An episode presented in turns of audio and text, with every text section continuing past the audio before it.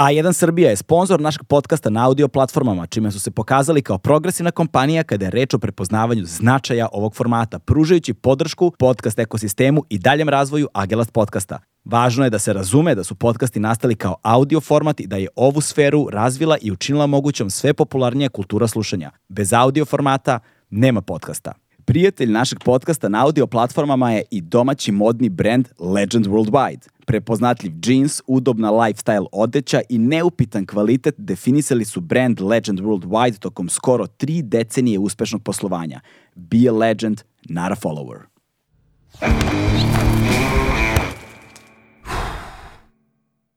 Hmm.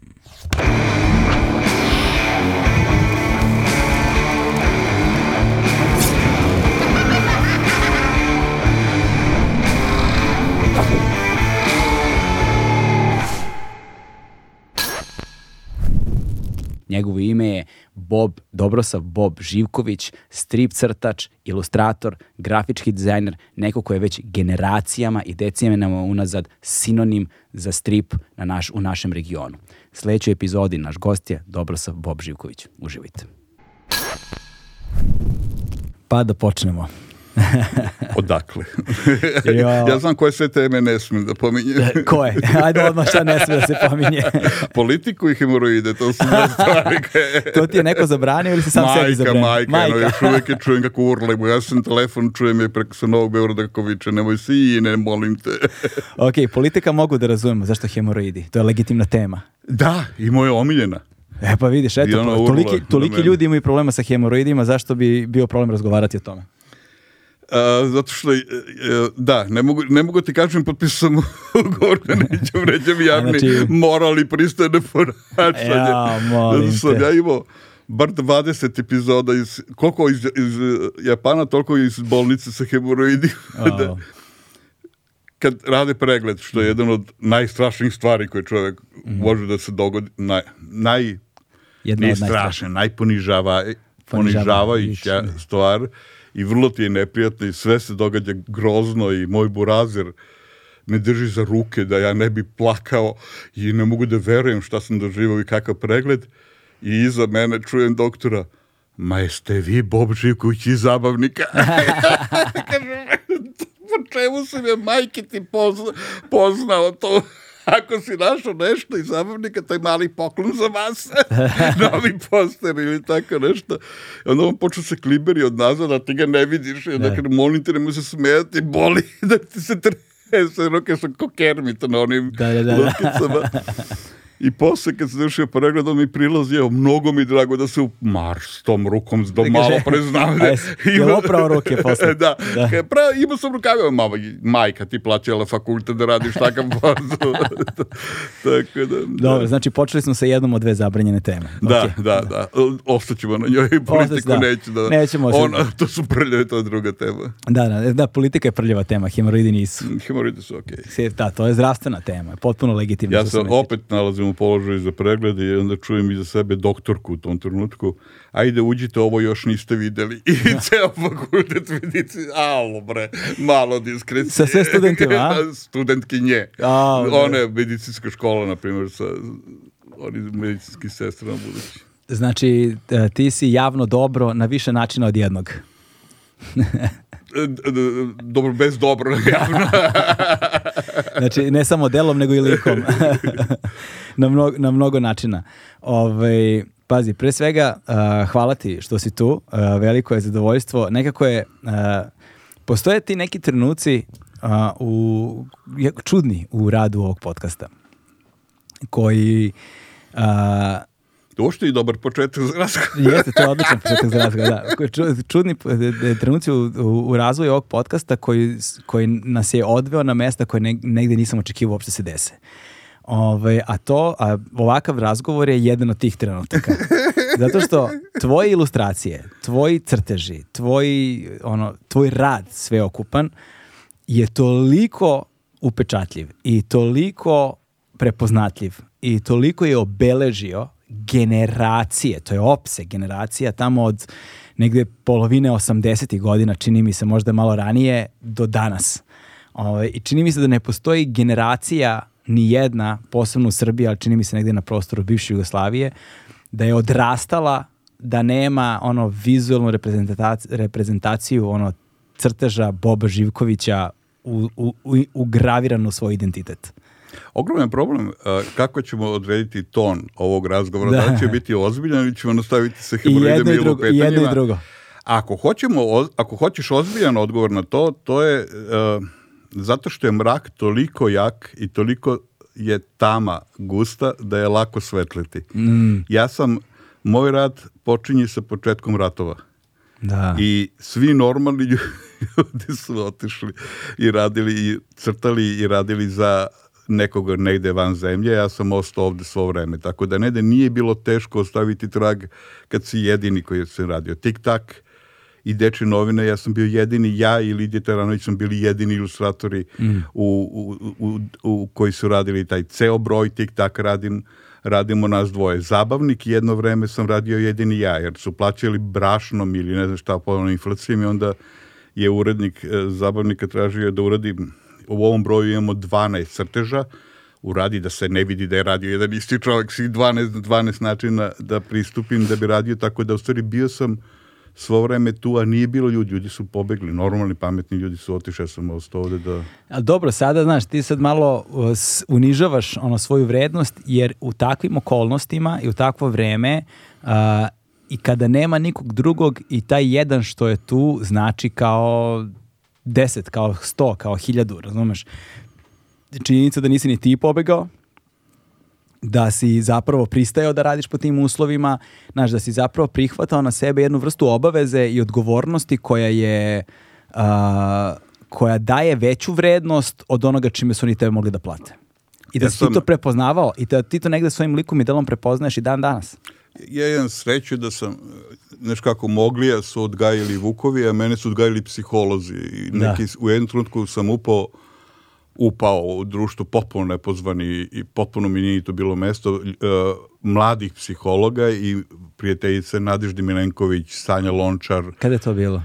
84. pete godine. Čekaj, koje si ti godište? Koliko si ti imao godina tada? E, uh, 62. znači 20 i nešto godina. 20 i nešto godina.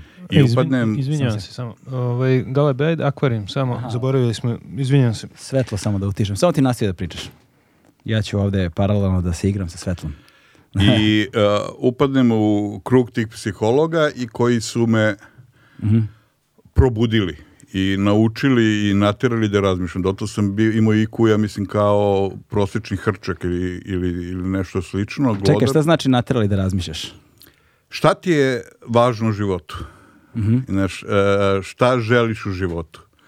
E, šta ti je cilj u životu? I onda kad ti njima kažeš ono, to sam sada ja radio sa klinicima, ono kao, jo, šta bi želo, volo bi, dete ima, ne znam koliko, 18. rođen, volo bi da imam milion dolara.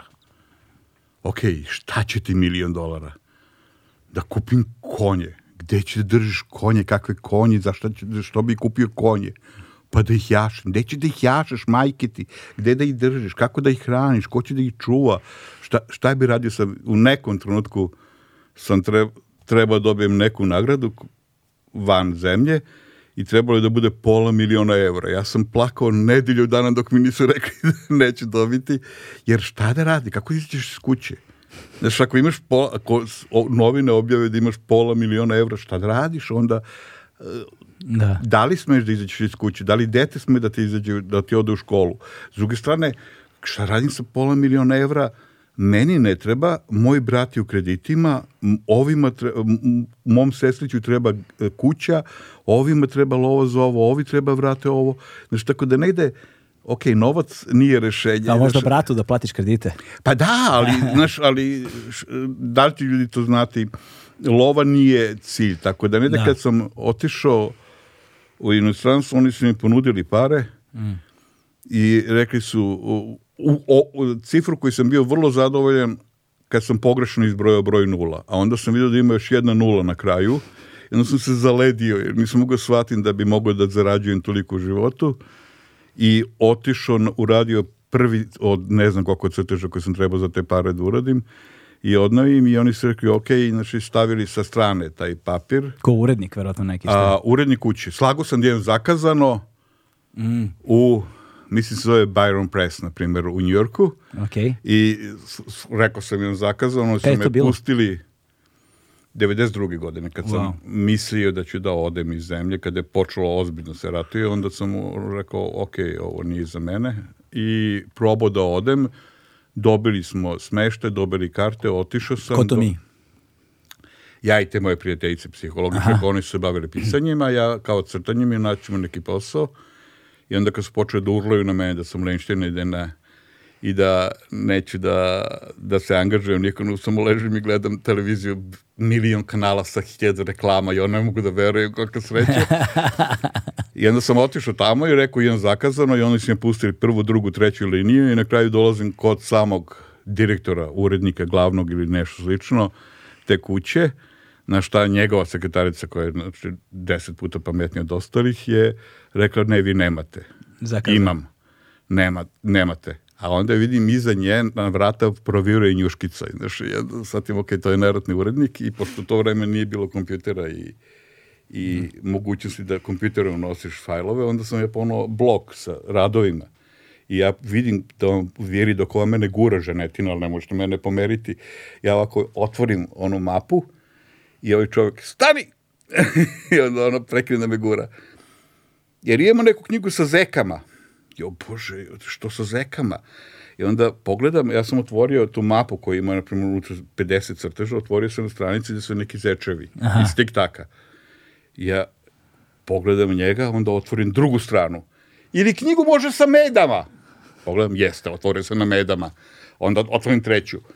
Ili nešto sa leševima, pošto je bio King, ili Tolkina, ili o, šta radiš ti? Pa sve, da, ja da, da. sam jedini ilustrator, tako da crtam sve i i, uh, i onda uh, i onda uh, potpišem ugovor, uh, donesem mu prvi od tih crteža, I on kaže, ok, skloni ga ovako sa strane, pomeri ga kako se on stavi ispred njega, čekajući njegovu reakciju. ja krenem ka vratima jer rekao je, ok, prihvaćeno je, nije mhm. odbio, onda stanem, a nemam takta i nisam baš najnormalniji, i onda se vratim nazad Kaže, nisam vas pitao da li je ovo okej, okay, nego da vas pitam da li je ovo ne mogu da verujem nikad u životu, ništa bolje, nisam vidio, majko mila, kako ti to palo pamet, ovo je veličanstveno nacrtano, nikad ovo nisam doživeo. To treba da kažeš. A čovjek mi gleda onako zapanjeno, pa mi te tako i plaćamo. I onda shvatiš da. da ja moram da napustim ceo svoj život i sve ljude i sve prijatelje i sve što sa, imam u životu da odemo u materinu mm. da bi zarađivao toliko para da bi dob i neću dobiti ono što ovde dobijem za džabe. Znaš, ti, mhm. ne, ti mora da platiš da ti tapšu, ovde ti tapšu džabe. ti, ti mi se diviš i nisam ti dao 100 evra, majke, i tako da ne ide. Znaš, a tamo ovi ljudi koji glumci i ostali koji se ubijaju, oni celi faktički od te love mora da plate. Pita me, mm. jedan od Amera me pita, kaže, jer imaš problem sa nama, jer si doživo nešto neprijatno. Ne bre, vi ste lepši, pametniji, komunikativniji, normalniji od svih ljudi koji sam ikad u životu upoznao. Pa dobro, što se onda vraćaš? Zato što ste lepši, pametniji i komunikativni od svih ljudi. To je kako, da ti umre mama pa da mi kupiš manekenku, jer je da. lepša i mlada, pa čekaj, da, ali kako to vezimo sa keo, Moji drugovi su glupi, nevaspitani, ovakvi onakvi i to su moji prijatelji i onda... Da.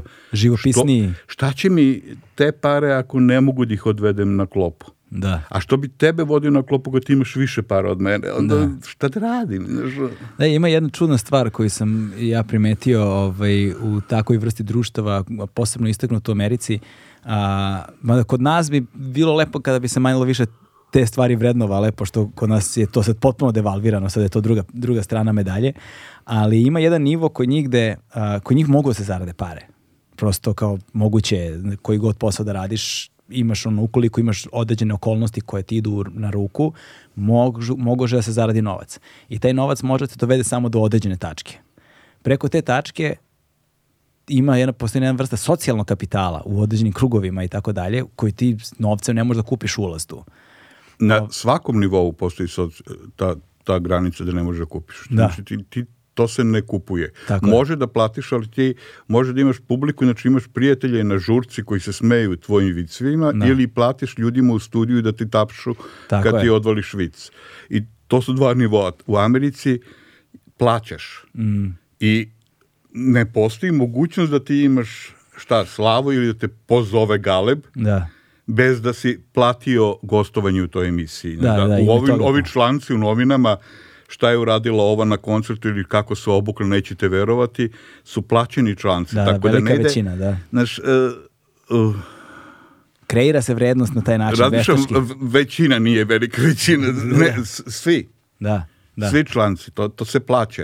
Vrlo teško je, mm. e sad samo je pitanje da li ću da jurim sve te pare i da budeš odvojen iz svog života, mm. da bi jurio pare, da bi platio to pecanje ili mogu odmah da odem na pecanje. Inače, i onda da, to je ona priča se... o, bu, bu, o monahu, ono što da, sedi pored da, jezera. Da. Da, da, da, da, da I onda sam se vratio nazad, ajmo da vidimo da li možemo da Ali vrlo preživimo. specifično, baš 92. Koliko si bio tamo kad si se vratio? tri ili četiri mjeseca. Pa to, 92. Znači. Kad sam dobio kad sam dobio ugovor, kad sam dobio pare, imam taj ugovor potpisan od strane njih, mm. imam, dobio sam knjigu Mebius, sad pljačka će mi rekao, dobio sam Mebiusov album potpisan, wow. jer, je znao da volim Mebius i onda dobio, pošto sam ja se zaledio, on je mislio da se meni nezadovoljen novcem, pa da dobijete i njegov potpisan album, i čekaj čoveče, odženit ćete. I onda Kad sam dobio lovu, onda sam shvatio, dobro, šta sad? Sa mm. tim, tim parama imamo lovu, čekali smo da odemo na klopu, idemo svi u restoran. Ko? Svi, nisu tu. Da, Niko da. nije tu, tako Niko da sam se vratio nazad. I... Da, ima nečeg strašno usamljenog u, u, u svemu tome. Da, da. U stvari, e, valjda, valjda se život sastoji od toga da uspeš da shvatiš uh, šta su vrednosti i da mhm. ne trčiš, da stigneš na cilja, a da to nije bila tvoja trka ili da, da. da to uopšte ni trka i da si samo trčao kao budala, da ne uopšte ne učestvuje da, ima ta lepa rečenica, ovaj, misao Hemingwayva koju, ovaj, koju često volim da koristim, to je Kaže, kada kreneš na put, važan ti je cilj, ali jednom kada stigneš na cilj, shvatiš da ti je bio važan put. Ima priča čoveka koja ko, ko, ko mi sad nervira, pa neću joj pominjem ime, ali ima njegova priča koja govori, kaže, o, o, gledam te, junače pred tom pustinjom koju nikad niko nije prešao, pred tom šumom kroz koju niko nije prošao, pred tom planinom na koju se niko nije popeo. I kad se budeš, znam da imaš snage i da ćeš preći pustinju, proći kroz šumu, popeti se na planinu, ali kad odeš na vrh, bit ćeš sam jer niko nije mogao pre tebe. Da. I onda se nije problem da dođeš do vrha te planine, nego upršiš mrtvi, se vraćaš nazad i ti da, da. tamo dole čekaju svi ostali da šta radiš tamo, majmune, tako da, da. Ne To je jedna stvar koja mi je fascinanta kod izuzetno pouspešnih ljudi, na, nažalost u našem, u našem društvu su to uglavnom samo sportisti, ali ovaj, jer drugi... Nije tačno, imaš crtače stripa, pola crtače stripa trenutno u svetu su o, sa područja bivše Jugoslavije. Ne, to znam, da, ali zato što ovaj, i znam za neki iz Zagreba, znam za neku ekipu, iz, neki ljudi iz Beograda. Mirko Ilić ti je da. iz Novog kvadrata, ti on drži New Yorker, na primjer, i sve mm. medije tamo. Igor Kordelj, ja, ja da, mislim da. da se užasno redko pojavljaju kod nas, oni su bogovi, njih dvojica. Uh, svi naši odavde crtači rade za inostranstvo. Sada više, mm. kada, od kada postoji internet, kada je internet profunkcionisao, više ih ništa ne ograničuje. Zato ih zaista nema i zato sam je jedini... I nemaju ni potrebu. Pa, ne znam koliko e, imaju potrebu zapravo i što je dobro pitanje. Šta? Pa da se pojavljaju. Ja nemam potrebu da se da, pojavljuju. Da, pa to se... ti crtaš da ne bi morao da pričaš. Ovo što ja ovde sedim, to, to, sam, to... sam ja glupan. ja potrebu to, da se... to, je, to, je, to je jedna stvar koja, koja mi je najveći problem ovaj, kada su vizualni umetnici u pitanju, u, kada su ovakvi formati, kada, kada govorimo o ovakvim formatima, a to je što sa vizualnim umetnicima najčešće nalazimo na dve vrste problema i koji ne, nužno ne isključuju jedan drugi, drugog. Prvi je da su vizualni umetnici s razlogom, a to je da im moć ono, artikulacije misli nije baš najsjajnija. Da. Znači nisu baš ono dobri oratori, da kažemo da. tako. A druga je da su vizualni umetnici zato što nemaju potrebu da se pojavljuju nigde. Da. A1 je prvi prijatelj audio izdanja Agelast podcasta. Znaš, onda su M povučeni, M nisu ne, dobri. Ne, ne, ne, što znači, nemaju potrebe da spavljaju, zato što sam vizualni, um, vizualni umetnik sam zato što sam posvetio život crtanju. Mm -hmm. Ne da tebi pričam, jer da tebe fasciniram, nego to je uh, moj način izražavanja i ti da bi mogo uh, ti radiš, vizualni umetnik, valjda svi tako, radiš toliko dobro koliko vremena provedeš crtajući. Ako bi ja tebe sad naterao motkom da uradiš 10.000 puta nosoroga, 10, prvi put bi bilo smešan crtiš deči, 10.000 ti nosorog bi bio savršen. Mm. I sad razlika među mene i tebe je što sam ja sve na svetu nacrto 10.000 puta. I ja toliko crtam bolje od tebe koliko sam proveo vremena. Da bi toliko vremena braka, života, prijatelja, bioskopa, a, futbala i svega ostalog žrtvovo da sediš i da crtaš te fakt nosoroge, mora da voliš taj rad i da crtaš i da ti to bude smisao života, a ne da najzad kad nacrtaš sve na svetu deset puta otići kod galeba. Da, da, da. E, ne, da, da. Nije, nije, nije, to motivacija. To um, slava, prvo to ko teret, to je yes. užasno neprijatno. To, to ti ono, ne mogu ja vama da govorim ti, to je distanca. Znaš, ti kada slava ti je stravično. Tako da kao direktor kada uđe u firmu pa kad svi začute, bukvalno ti to tako da ne da nije, to nije nagrada, to je kazna. To je vrlo veliki teret i vrlo ružan aspekt ovoga. Ti crtaš zato što voliš da crtaš i zbog toga žrtvuješ svoj život da bi bio bolji u tome. A onda kad ceo život sediš i vežbaš da crtaš, onda te, onda te pozove Galeb da otpleva, otpevaš, otplešeš ili pričaš nešto, nijedan od njih od mojih skillova, znači onda, ok, a što radim sve ovo da bi na kraju sedao i pričao ili, mislim, otko znam bolje, sam držao dijetu ceo život, onda bi da. bio lepši za pojavljivanje.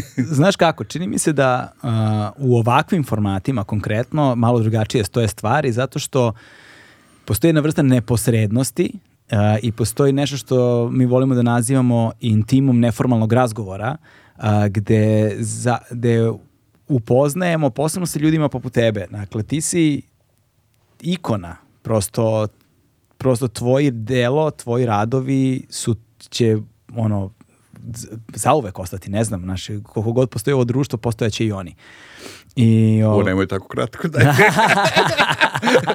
produži I malo. I duže, produži, dobro. Daj proizvoljno nešto, daj, daj neku proizvoljnu. Hoćeš da ja tebe vređujem sada. Slobodno. Ove, ovaj, a, I upoznavanje čoveka koji stoji iza toga im nosi jednu posebnu vrstu vrednosti. Ti u ovome ne moraš niti ima potrebe, niti išta da, doka da se dokazuje, niti išta da se, znaš, nije tvoje crtanje bila platforma koja je tebi omogućila sad ti, ka, e sada ću, ću to da plešem, da igram, da šta ti ja znam. Moj benefit je u tome da svo vreme dok to radiš, znači mm. od početka, od prvog, od predškolskog uzrasta nadalje svi igraju futbol, ja sam glup za futbol. Svi igraju lastiže, ja sam glup za lastiže. Ne znam da igram žmurke, sam najveći, ja sam od uvijek bio najdeblji. Nikad se nisam popao na onaj konopac na fizičkom. Da. E, toliko da su me profesori nastavnici iz osnovne, nastavnici, oni da. su se drali na mene da se penjem koliko sam glup za, za, za sve moguće sportove, tako da ne ide. Ako si uh, stvoren za crtanje, ako ti je to smisao, svo vreme sam bio jedini koji ne igra, ne igra futbol. Kad su svi između dve vatre, jedino ja ne igram. E, I onda sam bio ubiđen da sam jedini na svetu koji crta. Mm I moj benefit ovakvog pojavljivanja, da. zašto pristaneš ako nećeš da te gledaju, je možda ima negde neko ko misli da je jedini. Da. Da. Znači, nisam ja za futbal, e, ok, ima nas dvojica. ja nisam isto bio za futbal, tako da ne... S druge strane, svoj vreme sam imao trojku iz likovnog, legendarnu, što moja majka kaže, ajde sine, molim te, kaže neku drugu ocenu, dosadan se s tom trojkom. Imao sam trojku iz likovanog i kupovali su Tosko 5 profesorke da im popravi ocenu da bi mogao da budem vrlo dobar. A, možda ima neko negde ko, koga maltretira neka budala sa trojkama, ajde da, da zna da i, i ja sam imao trojku, nije to toliko strašno i nemoj da se nerviraš oko toga. Tako... Ali da. vidiš, zanimljivo je to kako, to, to me zapravo baš zanima, pošto smo mi preskočili puno toga, ali ja bih se vratio malo u prošlost ovaj, i pričao o tom... Preskočili smo sve osim hemoroida. da, da. Vratit ćemo se na hemoroid. Idemo, idemo u prošlost pre, pre problema s hemoroidima. To je rekla doktorka sto puta. Nisi prvi veterinar koja to rekla. Ove, A, zanimljivo je to, jer baš sam, evo i danas sam dao jedan intervju i nešto što, smo pomen, što sam pominjao nekoliko puta ovde, a nama je to inače važna tema. Dakle, ovde volimo da se bavimo obrazovanjem i, a, i na, na mnogo različitih načina. Jedan od načina jeste ono šta je škola danas, kako školu danas treba da zamišljamo i kakav taj nastavni kadar, ti prosvetni radnici treba da budu, kakvi zahtevi njih treba da budu, kako da vratimo status tog prosvetnog radnika i tako dalje i tako dalje. Jer A, za mene je škola bila užasno neprijatno iskustvo u životu.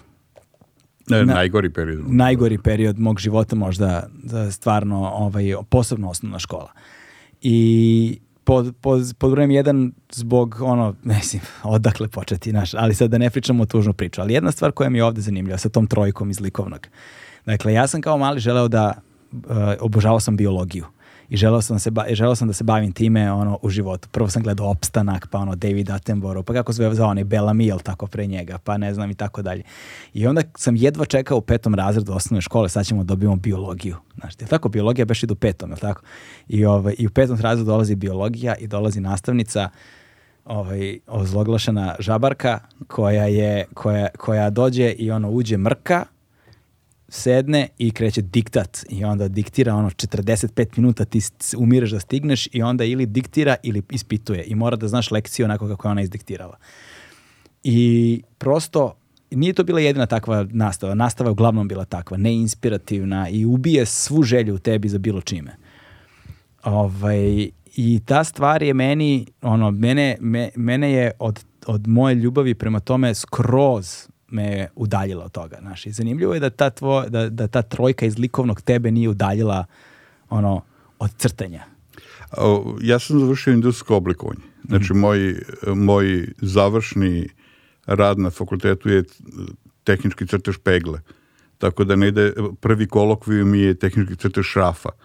E, kasnije, moj jedini posao je bio u advertisingu da sam dobio prvi otkaz od Sakana zato što crtam, jer, kaže, ilustratori su jeftini, treba da razmišljaš, ne treba da crtaš, tako da ni posao mi nije bio crtanje, mm. ni fakultet mi nije bio crtanje, ni srednje škole bilo isto, industrijski dizajn je bio projektovanje, tako da negde crtanje, ono što ti voliš i ono čime bi se ti bavio, ovo je meni hobi o čemu su vreme ti govoriš. Da, da, da. A ja sam po profesiji potpuno druga stvar, a radio sam posle kao taj kreativni direktor gde on urla na mene kad me vide da crtam, jer to može jeftino, uzmi i razmišljaj, prekinde da crtaš i onda psuje što ne smem.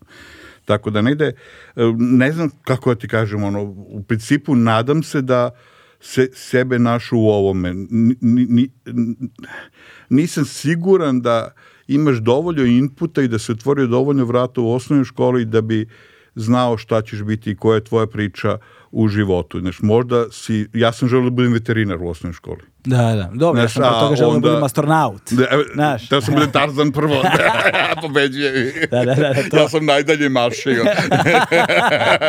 pa, a posao sam tantor. Slar. Uh, Tako da nisi siguran da onda imaš dovoljno priča, a ništa te ne sprečava da napraviš ne, e, nešto popolno drugo. S druge strane, čak i kad uzmeš ima milion podcasta, pa jedan je galeb. Da. Tako da, kad uzmeš, ti možeš od ovog napraviti prvo prostor u kome uživaš, pod dva prostor koji je smislen, posao koji je smislen, popolno svejedno čime se baviš. Uh, ja sam sa mojom sestrom imao te probleme, ono či, kojim poslom se ona bavi, jer možda da nađeš izazov u tome, kako u tome biti bolje, kako u tome promeniti, tako, pa, tako da i ona promenila. A, nažalost, pored te prosvete koje znači čime se baviti u životu i kako ne odustaješ i šta je tvoj poziv je jedna tema, a prosveta je uh, Druga, te, druga tema, svo vreme pokušam kontrolišem ruke da ne mašim, rekli su mi tamo na televiziji, svo vreme delim kao ove trenjača. Nema veze, nije, ovo nije televizija. Kada ću oboriti sve. A, dru, druga, druga tema je, druga tema je a, prosveta a, i tu dolazimo do, ja da, a, moje sreće, ja sam okružen sa, isključivo sa ljudima pametnijim od mene, ne postoji, svi su pametniji od mene i svu, svi su bolji ljudi od mene, samo što uh, neke si sreo, neke, ne, ne, za neke znaš, neke još nisi sreo, ali veličanstveni su i u principu ono, kad bi umo da ćutim, ja bi to i slušao samo njih. Jedan od njih je Jasminka. Mm, Jasminka, Jasminka Petrović. Petrović. Jasminka Petrović nije ljudsko biće. Ona je dobrota samo i ona je bukvalno ličenje nečeg veličanstvenog i užasno važna osoba uh, koja je promenila strašno puno stava u mom životu I, za razliku mene koji se nevaspitan i grubi, ne, netaktičan, ni i sve ostalo, ona je samo, samo finoća i samo dobrota, potpuno ludak. I onda ode u časopis koji neću da imenujem i neka novinarka, ko zna kako napumpana, radi intervju sa njom, kad ste prvi počeli da crtate, odakle vam inspiracije, ne crt, pišete, da. odakle vam inspiracije, ta, potpuno idiotske pitanja. I na kraju intervjua a časopis je dobar i ne bi trebao da takav novinar vodi sa Jasminkom intervju. Jasminka vrlo pristojno i vrlo lepo pokušao da izvuče maksimalno nešto u odgovoru. I završno pitanje je, zar vas nije sramota što radite za decu? Da li biste želeli u životu da radite nešto ozbiljno? Wow. I, wow. I Jasminka koja je nesposobna za grubost ikakve vrste, je odgovora dušo moja draga. ja tebi više ne mogu pomoći. Tako da, da, ako ja mogu da radim nešto važno, to je da kada ti odeš na posao u novine, tvoje dete ostaje ili u školi mm. ili sa mojim knjigama. I ako postoji mogućnost da se ovaj svet promeni, menjaće ga ili škola ili knjige. I ne postoji ništa važnije u životu da radiš nego da radiš sa, sa decom.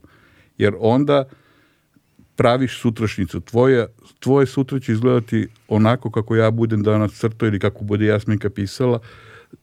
Vrlo sličan, skoro citat je tog Jasminkinog odgovora toj novinarki. Tako da ne, ta prosveta je ekstremno važna u društvu koje razmišlja o sutrašnjici. Tako je, da. E sad, s druge strane, e, ljudi mi koji se pitamo eh, koje su prave vrednosti i da li treba imati milion evra i kupiti ergelu konja i da li treba jahati konje okolo po gradu, znaš, eh, to bi neko ko odlučuje na mestu koje odlučuje trebao da isto ima precizirane šta su vrednosti i šta je važno u životu. Nisam siguran da je sutrašnjica i budućnost važna A sad, čak mislim da to nije naš problem, nego da je ono u svetu problem. Znaš, da ne da svako od njih gleda za vreme mog mandata koliko mogu da uposlim, uzmem da. i ovo i ono. Tako da ne da raditi sa klincima i nastavni program nije bolji u Americi. I nastavni program nije bolji, ne znam, Švedska bi možda mogla, ali zato što samo slušam tračeve, a nisam bio, a možda i Švedska kad bi bio tamo bi rekao, ovo, pa ovo đubrište. Tako da ne da, znaš, društvo treba da formuliše šta su vrednosti i da onda na osnovu toga napravi nastavni program. Da. To je... Pazi, e, e, kompleksna je stvar. Više civilizacijska je problem. Civilizacijski je problem jeste, ali uh, postoje temeljni problemi koji ovde vladaju, koji čini mi se u nekim malo razvijenijim društvima ih nema na nekim nivoima. Nigde ne postoji idealan prosvetni sistem i obrazovni sistem. Ovaj, negde je bolji, negde je loši, ali svi imaju svoje mane ali to ne znači da to treba bude razlog da relativizujemo koliko je ovde katastrofalno urušen. Ali ono što hoću da kažem jeste da škola bi trebalo između... Čekaj, ti znaš kakav je u Danskoj? Dobro si upoznat. Pa nisam sa Danskom upoznat dobro svakako. Znači, znaš, da, da, nisam, kako, je, u, da. kako je urušen ovde i u Danskoj. Da, tako. to ne, to ne mogu da ti e, kažem. Ili misliš da. da je Engleska koja je proizvela ovo, kako se zove ovaj, sa frizurom koji je bio njihov premijer, uh, uh, Borisa, da, da, da Engleska ima bolji sistem. Ili misliš da je Amerika u kojoj glasaju svi za Trumpa i u kojoj su, je desnica pazi, a, bolji sistem ili Češka u kojoj desnica ili Turska. Da, pazi, mislim i Mađarska i Poljska Mađarska. i naš šta ti Tamo treba, je sistem divan samo što ba, su ne. idioti odrasli. nije ni izbliza. Nije, nije, svugde. Nije, svugde, tako je, postoji jedna vrsta globalne krize. Civilizacijski ali... postoji problem šta želimo, mm -hmm. šta mhm. želiš od ljudi, kako, kako želiš da se kreće svet, šta bi želeo, da li, Što opet nije tačno. Sve. Da, da, pazi. Mi ne dolazimo iz dobrobita. Ne dolaziš iz sređenog, ti si rekao, iskoristio si reč, urušio se sistem. Tako je. Šta postoje? Da, dolazimo iz sređenog društva u kome je postala pravda, u kome je postojalo humanizam, u kome je postala ravnopravnost, mm. u kome nije bilo uh, uh, uh, rasizma, u kome nije bilo seksizma, u kome su žene imale prava. Ne, ne, ne dolazimo apsolutno. Dolazimo iz pakla. Mi, da. mi, mi, smo bliži zverima nego svim tim okay. pojmovima koji su samo bajka, on o, demokratija. Okay, ok, ok, razumem razliku u našoj interpretaciji. Zapravo ti polaziš od tačke antrolo, antropološkog pesimizma. Ono, ti polaziš od tačke da smo mi zapravo ono, ljudi, ja polazim, ljudi kao zveri. Polazimo od, Ne, to je istorijska činjenica. Mi, okay. mi, mi, dolazimo iz ratova i, i bespravlja. Ali govoriš civilizacijski svi, kao ljudi. Ljudska bića. Ljudska bića kao takva, da, ok, razumijem. U bilo kojoj zemlji. Znači, da. sad, mi znamo Jasne. našu i, i, baš je ne volimo, ali posle bilo koju drugu zemlju mm. odeš, uvek je, Japanci su bili e, goveda, pa yes, znači su sve da. promenili, sad, sad su evoluirali. Ali, ali oni su ali, strahovito konzervativni i zatvoreni po brojnim pitanjima. Da, uh, da, Apsolutno. Što ih možda u nekim stvarima spašava, jer konzervativci neće pustiš Trumpa. U, ovo, da. super je, te nemoj ga pustiti. A, a, a, ovo je optimizam. To znači da, da, da, da govorim nije, a, rekao si da je pesimistički, ovo je optimizam, mi se pomeramo. Mm. Ne postoji revolucija, a s druge strane ne postoji revolucija u kojoj nije bilo mrtvih. Da. Tako da ne da revolucija nije baš savršen sistem. A ovo je evolucija. Svake godine, kako beše, jesam s tobom ili s kim sam raspravljao da li je žene su dobile 74. Ti ja smo pričali, da, da e, da, Znači, o, nisu imali glasa, da. prava, da. nisu, ni, uh, rasizam je postao i ostalo, pa sad se to pomera. Mm. Pa sad imaš, ne znam, Disneyu, malu sirenu koja nije crvena i ovako i onako. Znači, negde, e, ne, negde se pomera društvo s jedne strane. S druge strane, činjenica da još uvek pričate o demokratiji, da se još uvek priča o, o pravdi mm. i o nepravdi, je divna činjenica o tome da smo uspeli da sačuvamo ideale i da znamo kuda bi trebalo da idemo. Znamo šta bi trebali da postignemo još uvijek. Znaš, kad bi trebali, ako, ako budemo počeli pričati, ma treba pobiti ove sve žene na svete, znaš, ne. Da. onda će biti problem. Za sada te nervira što je žena Batman, ali ali, ali ostaješ na tome i govoriš o ravnopravnosti. Mm. Tako da ne da još uvijek mislimo da je cilj biti ravnopravan. Još uvijek mislimo da je pravda cilj. Još uvijek se nadamo da vođe i da i da oni koji nas vode žele nama dobro, da oni žele da, da, da, da zemlja bude prosperitetna, još uvijek mislimo. Da, ali postoji, čini mi se, velika razlika ukoliko posmatramo, dakle, ako posmatramo civilizacijski, globalno, da, mi onda civilizacijski pravimo određene pomeraje u napred koji su apsolutno neosporni.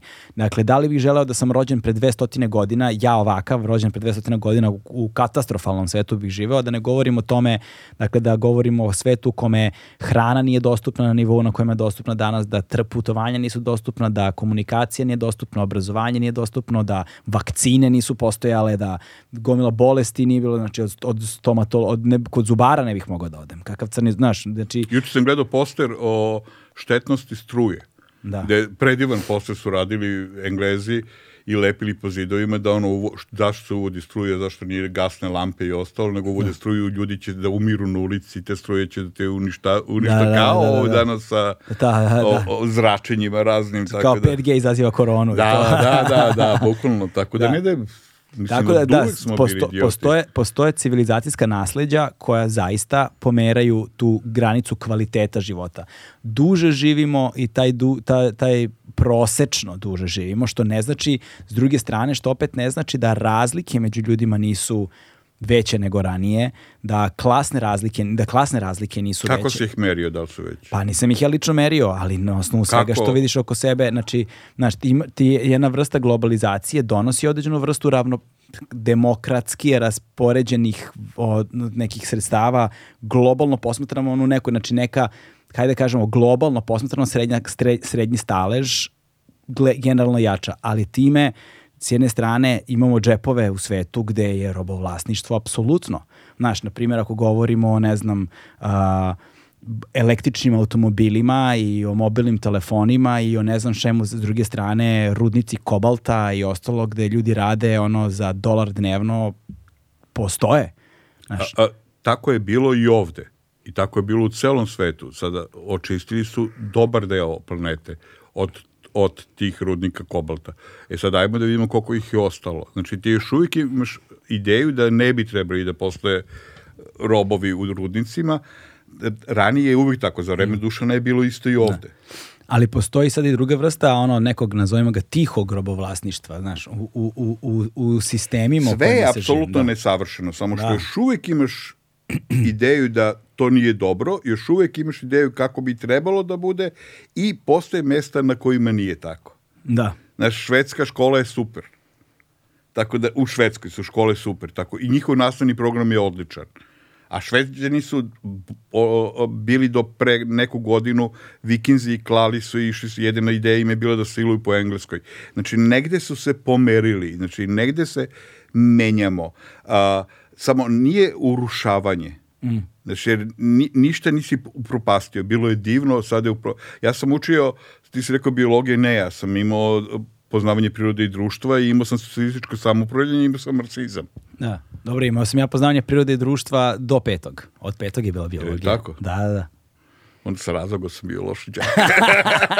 Nisam ni video da je bila kut prođe pored mene. Da, da, ali hoću da kažem da s druge strane ovde kod nas se, se, se desio, desila druga vrsta problema. Znači kada ja je raspadom ono, Jugoslavije počeo se upumpava taj nacionalizam, jel te, i on je, kada je on počeo da prožima i nastavni program kada je, kada je počelo da se oduzima iz, iz prosvete, kada je počelo da se smanjuje godišnji budžet za, za prosvetu. Kažem o Mameru, uh, bio je domaćin prijatelj naš uh, koji radi u, u mm. našoj firmi, u, kad smo bili u Njujorku i onda mu kažem, pričam i dalje, pošto je uh, veličanstveno, ovo, je, ovo su najlepši dani mog života, moji u Americi, on kaže, ti nisi u Americi ti si u Njujorku, mm. ti nisi u Njujorku, ti si na Manhattanu, ti nisi na Manhattanu, ti si u Greenwich Village-u.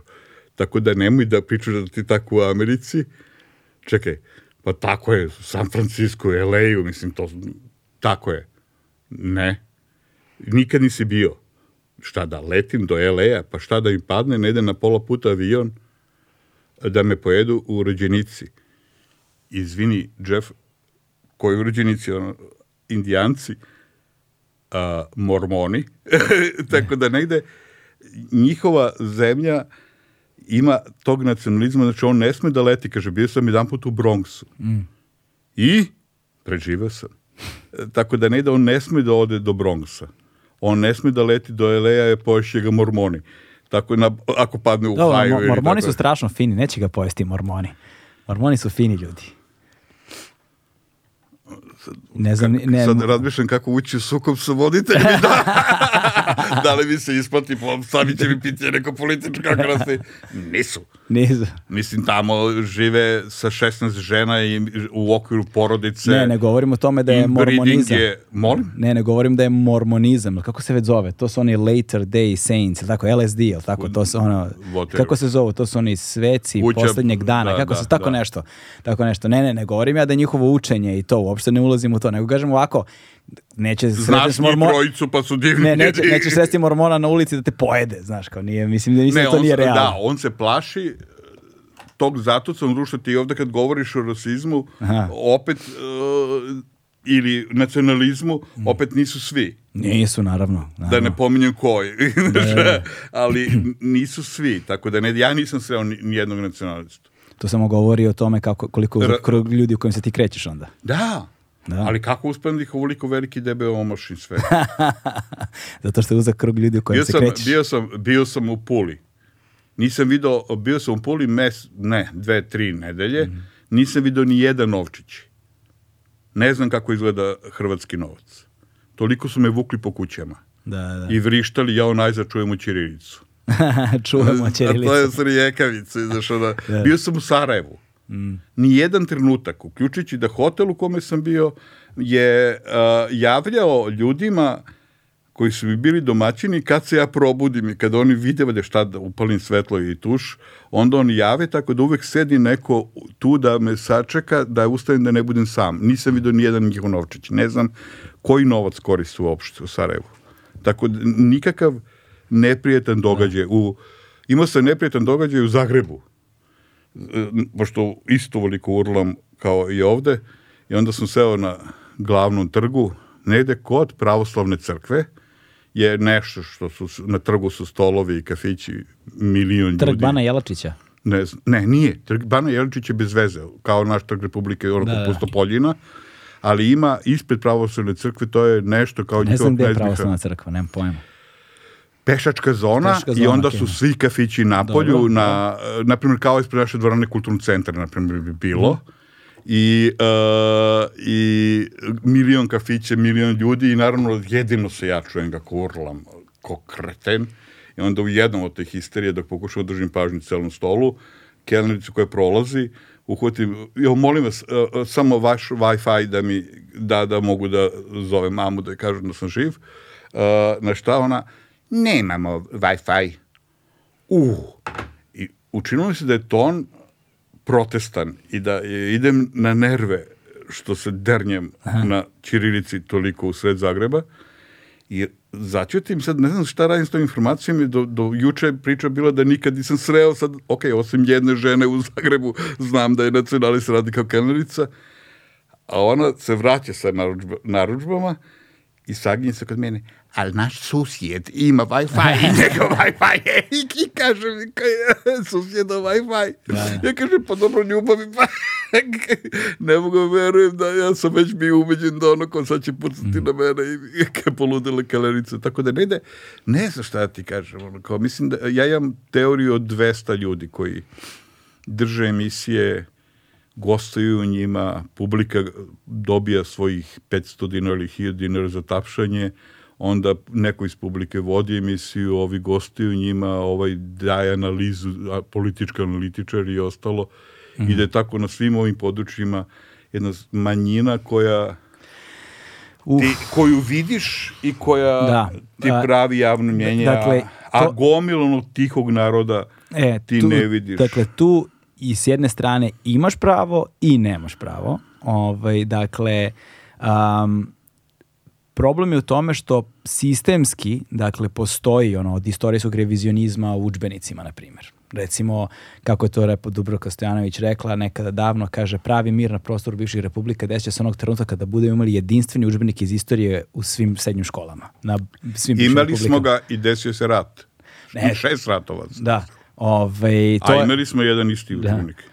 To je, to je, to... Ja sam rastao na tom. Da, To je, ali to je druga priča, zato što je tu krenuo raspad. Pa nisi da desio pravi mir, nego pravi raspad. Pa da, ali, da, li, počeo Od je, zato što se upumpavao, da što se veštački kreirao. Znači nije do učbenika. Pa da, ali hoću da kažem vraćanje nazad, razumeš? Znači hodom unazad, kada razrešimo, ne možemo da krenemo napred ako ne razrešimo stvari iz prošlosti. Ne kažemo i da je sistem ranije bio idealan, imao si jednopartijski sistem, imao si sva i svašta, znaš. Ali ne može one... da razrešiš, Francuska i Engleska od uvek ratuju. Pa da. Francuska... Da i Nemačka od uvek ratuje. Mm. Nemci su ratovali sa Englezima. Zamisli kad bi počeli sa svi da rešavaju, Danci su oplodili pola Engleske. Da. Kako će da o Bel, reše... O Belgiji da ne pričamo. E, kako će Rusi i Finci, kako će Rusi... Znaš, Do da, koje da, godine i kako rešavamo ono što je bilo i kako ćeš da rešiš? Za uvek. O, pa, va, ili evoluiraš i, i ono kao, poke, pa okej, čiji Čukun deda je, mm. čiji Čukun babu baš me briga, najratniji su se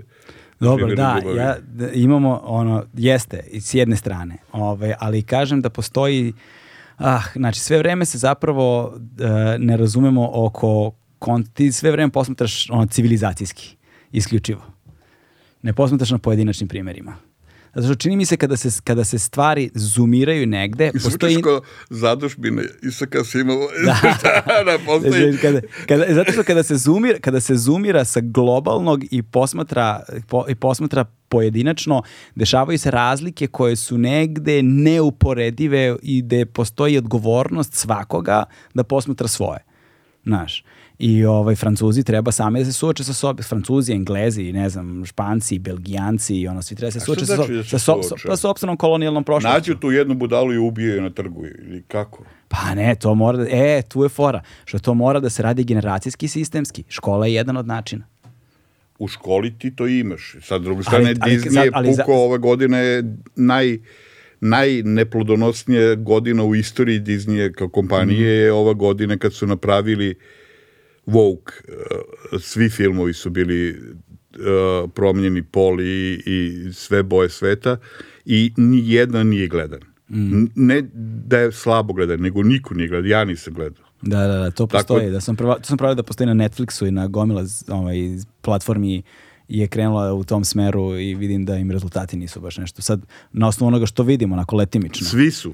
Ceo Hollywood, stvari, oni to pokušavaju i to se radi. Sa druge strane, uh, Uh, mislim Ali bilo da... je nekih dobrih stvari koje sam gledao, koje su na kraju su mi bile super. Kako se zove ova serija skoro što je rađena? Sandman je, bio... Sandman, je li tako? Sandman je okay, a Vogue skroz. Vogue je skroz, Sandman Kako je, do... je Vogue, Sandman?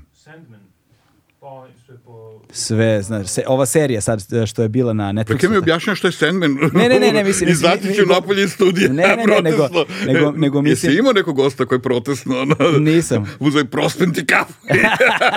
A ne mogu da se izvučem iz stolica, ostaće zaglavljen ovde. Možda budeš, možda budeš prvi, možda budeš prvi, slobodno. A, i, a, znaš kako, a, mislim da je kompletna industrija zabave a, uključena u tu woke kulturu. Ta, woke kultura je desničarski izraz kojim oni pokušavaju da uvrede ideju o ravnopravnosti u, mhm. na svim nivoima. A, I onda se boriš... A, a, ta industrija zabave ima manje i više pametnih. Ne znaš sve ilustratore, evo znaš, misliš da sam ja odličan. Znači ima dobrih, ima i ima puno njih za koje još nisi čuo, koji su zato što su loši od mene. Tako da i u industriji zabave imaš pametnije i manje pametne ljude. Imaš ljude koji uzmu i kažu da je Batman žensko. Mhm. Mm I onda sad ti ne, ne slaviš činjenicu da je žena glavni junak, nego, se, nego braniš Batmana od toga da ga menjaju i da, ga, i da, i, i, i da, da mu obrću pol. Jasne. A s druge strane, a, imaš, znaš šta Happy Feet?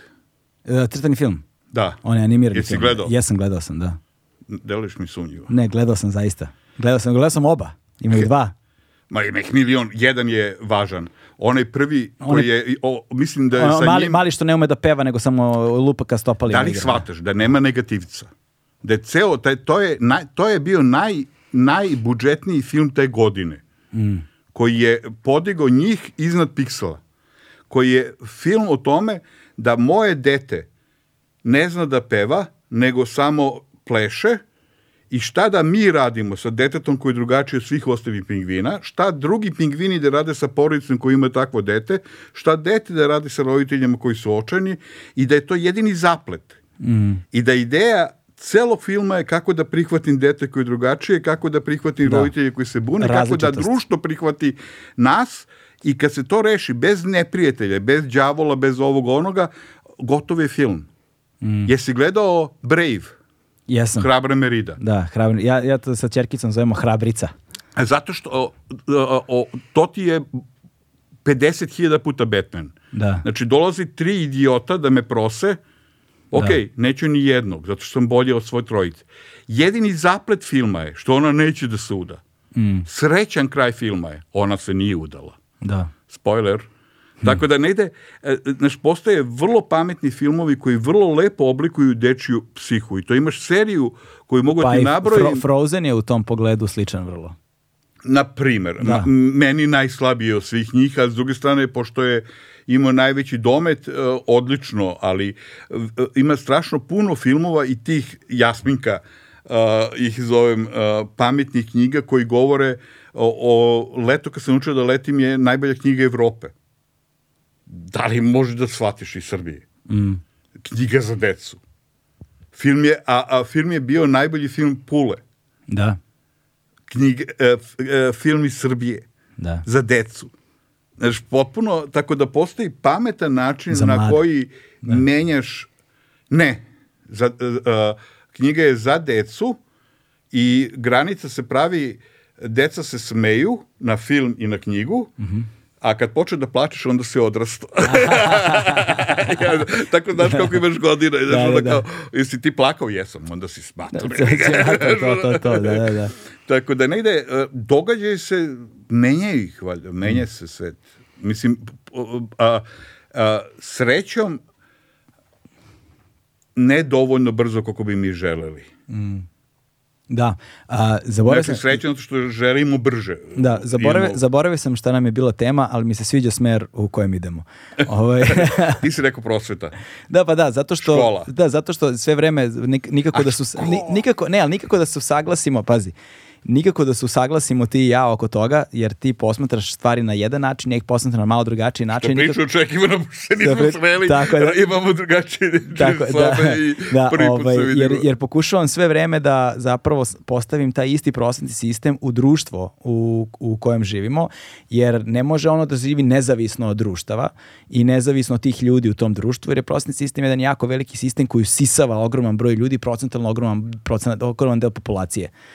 I, ovaj, I onda ono što sam hteo da kažem zapravo sve vreme jeste da bi, da bi da se vratim na onu trojku iz likovnog i na činjenicu da nam je obojici prolaza kroz osnovno školsko obrazovanje bilo i užasno životno iskustvo što nije nužno činjenica razumeš Ali, ov, i nije vreme ovog doba. Znači Tako. moja škola je bila pre, četr, pre 60 godina. Da, moja, znači, da, dolazimo, moja, a moja škola je bila 90-ih. Znači dolazimo iz pakla. Odnosno, Jer da, moja da, da, da. škola da. je bila pakao.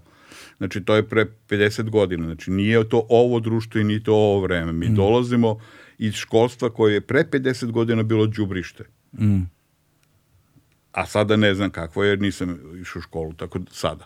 da, e, ali nije bolje. Znaš, to je problem u tome što de facto nije. Znaš.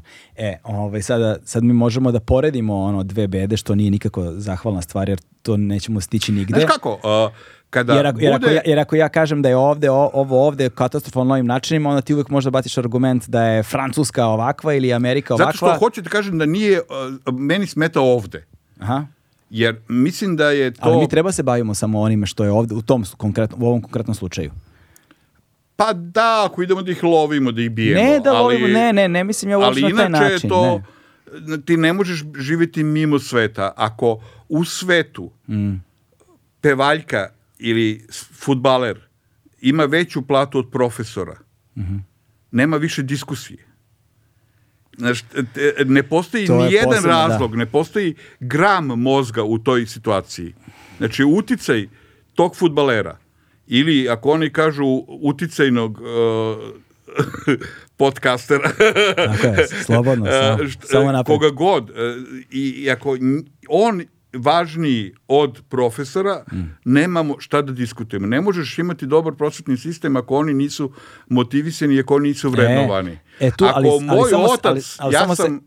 radio reklame za tampone, radio sam, radio sam u advertisingu i imao sam za mesec dana platu tri godišnje plate mog oca primariju sa anestezijologa.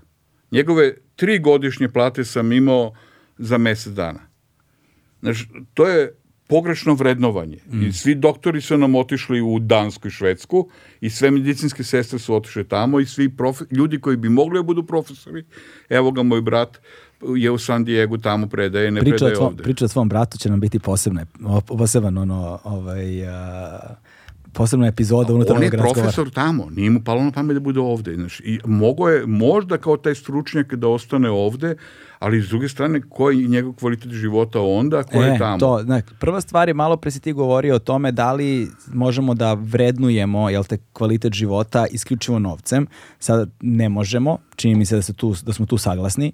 I, ovaj, I to sad, da li si ti zaradio ovoliko novca kao, ne znam, tri godišnje plate uh, svog oca eh, primariju sa doktora, uh, je jedna stvar ali mislim da nije to uporedivo na tom nivou, nego ok je to što si ti zaradio taj novac. Samo je pitanje od toga da li kada staviš tri puta više, ono kada podeliš sa tri puta, kažeš tri puta manje, da li je taj novac koji on zaradi dovoljan za njega.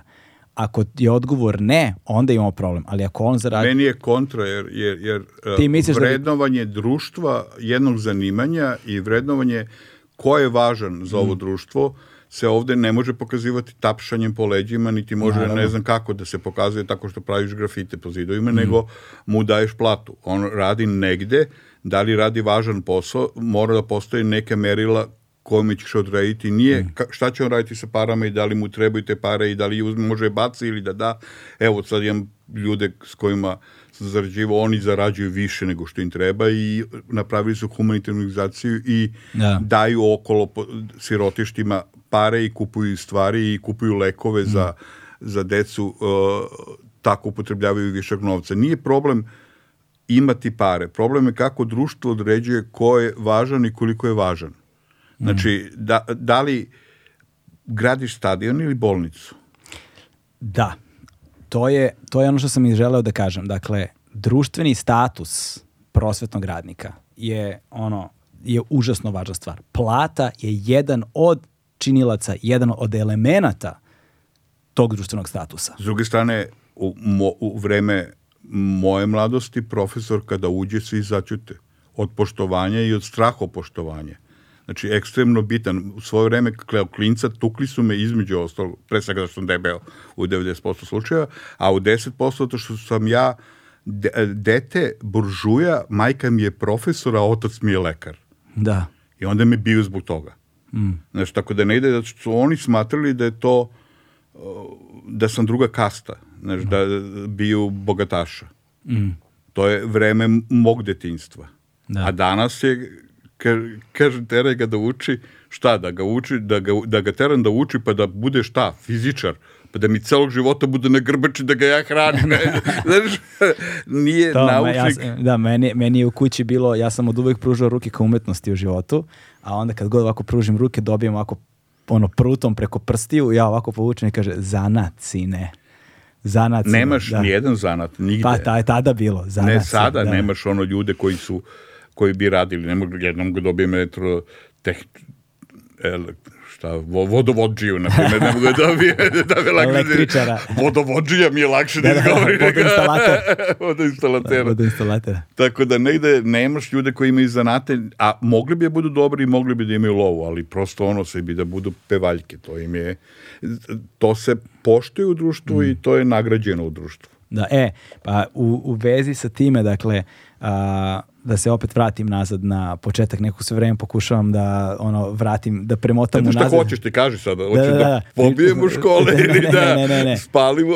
ne, ne, ne, ni jedno, ni jedno ni drugo, ni jedno ni drugo, nego, pa, nego to hoću ti kažem, dakle da škola ne živi uh, nezavisno od društva u kojem je, znaš, ali bi trebalo da bez obzira na to društvo u kojem je bude nekom, trebalo bi da bude, a nije nažalost, uh, neko, neka vrsta, dve stvari mislim da bi trebalo škola da bude s jedne strane prozor u svet, a s druge strane ne bude neka vrsta sigurnog mesta gde može da postoji nekakva, uh, ajde da kažemo, um, horizontalna raspodela odnosa.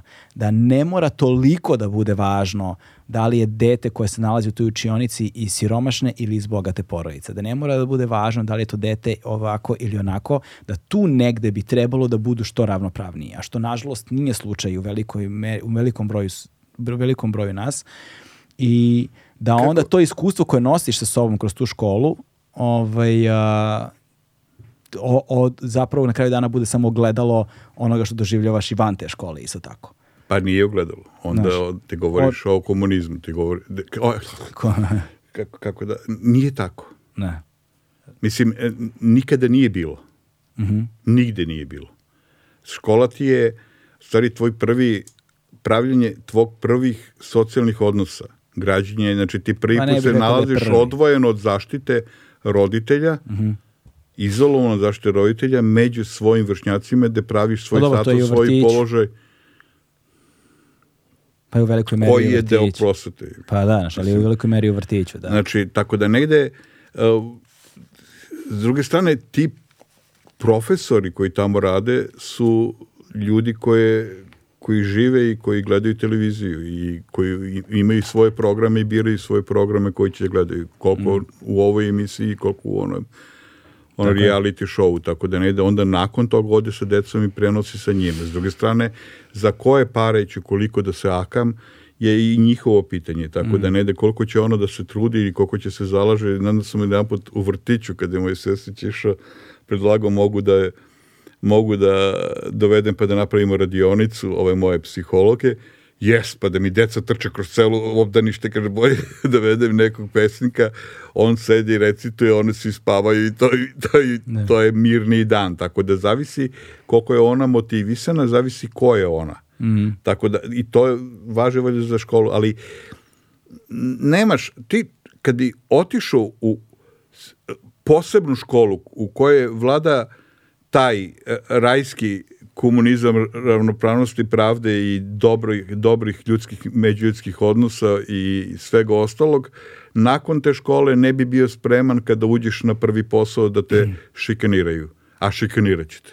Mm. Znaš, tako da ne ide, da onda menjaš jednu, drugu, treću firmu ne spremam si za, za realan svet. A, Kad izađeš na ulicu ispred zgrade, tu ne, će ne, ne nužno, ne, ne nužno, ne nužno, ne bih se u potpunosti složio zato što ne, ni, ne živiš ti kad si u školi samo u školi, znaš, živiš i u porodici i u društvu i imaš svakodnevni život koji to ti tekako sprema. Tebe.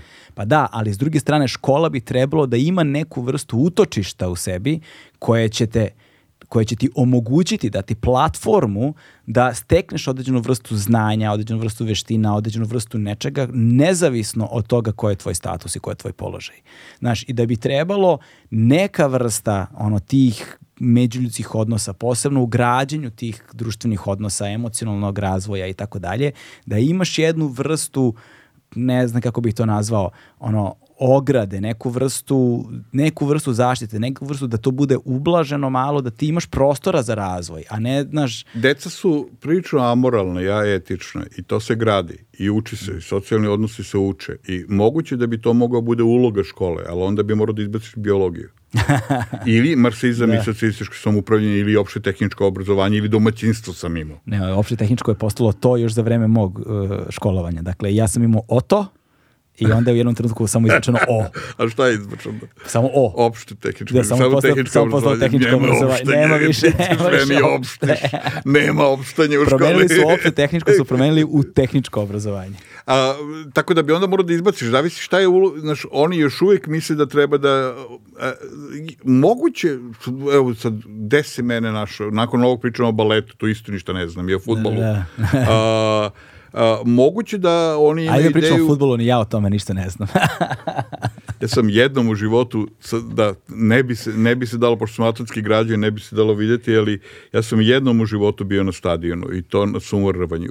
Tako da, da je... I... E, bio sam ja na sumorvanju jednom. U, kako je dobro Reci, bila da. i drala se na mene ona dispečerka što ide mi sedišta da se smirim. A čekaj, koliko si, ja sam bio jako daleko, čovječe, ja sam bio nekim najjeftinije karte su bile u sali u Tokiju, ja sam video, evo, kao ove, kao ove ovaj kvadrat ovde na stolu, ovo litke za sumorvač. Prilično slično, da, da, slično, ali naš domaćin domaćin, moj domaćin, moj prijatelj... Ali nije, sam ih čuo kad se sudare. Nije, Akira nije išao jer je bilo preskupo, a spre, kupio je nama karte, tako da je to bilo iznenađenje za mene. Ja sam bio fasciniran, to je najbliže religiji, što sam vidio koliko je ritualizovano, savršeno je. U, ovaj, dobro, ja sam vidio stvari bliže religiji, ali... Ovaj, ali ne, mi... ne, e, e, oni, e, nije sport, nego je ritual. Ritual, da, Potpuno da, da, da, da. je van mozga, koliko je... Ali to... ja kada sam shvatio zapravo značaj sumo rvača u japanskoj kulturi.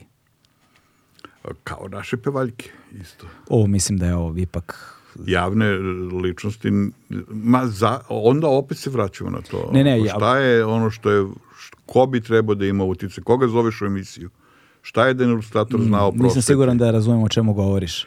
Pa, značaj sumorovača u njihovoj kulturi, onda ja kažem kao pevaljke, tako, da, da to ne, su javne više zvezde. njih, pa ne, kod njih je negde spoj, on, on, to je baš tradicionalizam japanski. Mislim, recimo, tamo su nas učili, pošto smo imali neku devojku koja nam je bila kao, kako se zove, vodič, jel tako?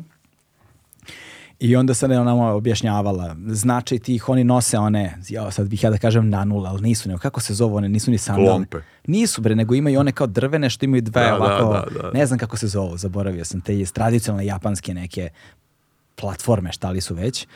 Ovaj, pa znači njih, pa znači te odeće koje oni nose, uh, nošnje tih njihovih, pa onda znači frizure recimo zakonom i onda su nam objasnili da je recimo u Japanu uh, zakonom bilo propisano da svi muškarci moraju da imaju one kao repi, punđice. punđice, repiće, šta li već, da je to zakonom posle prom, da je taj zakon promenjen i od tad to više nije, ali da su oni recimo poslednja grupacija onom japanac, muškaraca u Japanu koja celog života nosi te kao da je ono ja, neki srednjevekovni Japan, lupiću sada nemam predstavu i da zapravo njihov stil životni i, i onda kada sam otišao na taj sumo kad sam vidio zapravo pred svakog izlaska tog rvača da je to ono cela, ceo enturaž ide, cela pratnja, pa one baneri, pa ceo ritual, pa ples, pa šta znači zapravo kad oni ono dižu jednu nogu, pa drugu nogu, pa da postoji tu niz sad nekih stvari koje ovaj, ritualno i kulturološki imaju ogromno značenje ta, u Japanu i da oni to namerno, svesno čuvaju tu tradiciju. Ovaj, to govori je, u Sineroki o, o tom njihovom konzervativizmu koji smo pominjali. Uh, a s druge ruke meni je bilo fascinantno da vidim Ovaj, jer ja, ja sam bio rivice suza svo vreme, onako meni to... Što, zbog onog gledaš? Veliko mi je, ne nego, da, ka, zbog ovog tvog što objašnjavaš, da, da, da, da. koliko je to veliki događaj, kako je da. to ona, ona sala, kako je to se događa. Jesu bacali nešto. one dušeke u, u visi to? Znaš, imaju one, na onim kao boljima, ne znam kako si primetio, imaju kako se spuštaju ovako redovi sedišta, I mi smo bili svi na onim nekim ono, klupicama šta god, ali ovamo dole imaš one privilegovanije što plaćaju, ne znam, basnoslovne novce da budu tu blizu. Izgledaju kao separeji, ali nisu separeji, nego su isto klupice, ali imaju uh, dušeke na kojima sede, kao jastučiće na kojima sede. I onda kada, da, to sam zaboravio, davno je bilo, i onda kad ne znam šta neki sumo uradi, oni iz oduševljenja vade te jastučiće na kojima sedi i bacaju ih u vis i bacaju ih u vis, ali sam zaboravio u kom slučaju. Ja sam vidio to, jednom su to uzeli i bacali u vis, ali ne sjećam se šta je bilo. Ni, ni, mislim da, ni, da, da, da, da nije toga bilo. Nema Meni je samo bilo ono da prisustujem tako nečemu. Pa. Da. Hijedu godina se dešava predavnom i e, one reklame su nosili ja. Da. na, na panoima one devojke u krug, znači da. mogli su da ubace neonke i sve imaju neonima i ceo pogoda je hoćeš, ne, nego mora da bude njihovom papirusu, mm. idu okoli, pokazuju nam ko je sponsor čega da, i da, šta da, god, to. pa potom sam bio fasciniran. Koliko... I ludilo kad je oko Zuna izlazi koja je kao prvak, onda ide to posebno, kada je, znaš, kada je, kada je, kada je mm, taj, te godine prvak u Sumu izlazi onda je to, ja kad sam bio te godine, kad je bilo prvenstvo u Sumu, to nisam, isto, isto nisam znao, ja sam mislio da Sumu rvanju učestvuju samo Japanci. Ne, ne, imaš... E, Ali onda zapravo imaš da, gomilu da, ljudi iz drugih da, zemalja da, sveta. Da, da, Jedan... Mislim da je naš u ovom momeču bio najbolji neki koreanac. Znaš, ne znam, ono, ja znam da bio, bili su Mongoli, to znam da su bili Mongoli, i Imaš sad, Rusa. Da, e, to sam teo kažem, mislim da je jedan Bugarin bio, tako nešto, ne mogu da verujem, znači, sad, ono, bukvalno vadim sećanje iz naftalina. Da, i, ovde meni Japan je ono ogromna tema, ovo je bio jedan od pa ne, mogu. Da- A kako je Japan ušao u tvoj život? Japan, Japan mm. je ušao u moj život tako što je u neko, ja sad gledamo dakle da vadim koliko daleko da iz prošlosti jedan jednom trutku mi zvoni telefon, nepoznat broj telefona, što se kod mene dešava dva puta u životu, jedan put me zvao Gale, devojčica neka. Ja sam Jelena Beronja, ja radim za mlade istraživače Srbije, svi su mi rekli ne smiješ da ga pozoveš, on će da nas odmah otkači, on će, znaš kako će onda urla i ovo i ono, a ja sam rekao, ja ću ga pozovem, šta može da mi radi, ne može da mi radi ništa, i samo da vas zamolim, mi nemamo pare, hoćete da radite za nas. ja sam rekao, reci tim kokoškama tamo da ću da radim sve što treba džabe, da, da, nisu u pravu. I onda sam, da bi ona ispala carica, kada je već toko imala hrabrosti da se javi, I onda sam počeo saradnju sa njima i to je Mladi istraživači Srbije predivna organizacija i predivne su stvari radili i rade još uvek. Ali ta eti, ekipa tada je bila veličanstvena. I naravno ja sam uživao, pošto koliko radiš tampone i kekse, reklame za tampone i kekse, toko ti je važno onda da uradiš nešto za svoju dušu, nešto što je mm. plemenito i nešto što je kao važno i uticajno i drugačije. Uh, kreativni centar mislim da još uvek tek počinjeo da funkcioniše, onda mi je zabavnik bio taj hleb za dušu i oni, mladi istraživači, jedne godine dođe kod nas, uradili smo postere za ne znam šta, neko očuvanje nekog ptičeg staništa i ja dolazim kod njih, e sad vidiš me da se dernjam i da urlam i da me ima i oni ja sednem ovako i čekam, ajde da vidim, da vidim, da vidim kod pola postere i onda ona dođe kod mene i ono, ta na na na, i pokažu mi. Sad, to je problem kompjutera, na kompjuteru mi je sve onako, nije, nije nešto. A onda kad ga vidiš i kad otvori onaj plakat, ja počnem da vrištim. I kako ja urlam, tako nešto između onih ženica protrči i pobigne napolje ok, mogu bi da tim pažnju, a s druge strane me zabole, i onda da. ja opet se smirim, Oni šuškaju za mene, o što me ne interesuje, a sad sledeći poster i pokaže mi. Ja, a, ja se više radujem, jer nije mi svaki moj omiljen i onda ja cičim i vrištim i svaki put kad završim nešto istrče napolje. I onda čekaj, Bobe, samo more, ne možemo ovako. Dođi, dođi Akira. I onda mi objasni. I kasnije sam razgovarao i kažem, Akira, majke ti kako? Kaže, pa ja sam znao da ste vi zemlja koja je zaratila sa celim svetom. Ima na Balkanu jedna zemlja i u ratu je sa NATO-om i u ratu je sa celim svetom i ja nisam mogu da se načudim kad sam vidio koliko je mala zemlja, čekaj kako može da ratuješ sa celim svetom, šta radite? A onda sam vidio da je u toj zemlji glavni grad je Beograd, a u njemu imate u centru grada vam je veliko ratno ostrvo.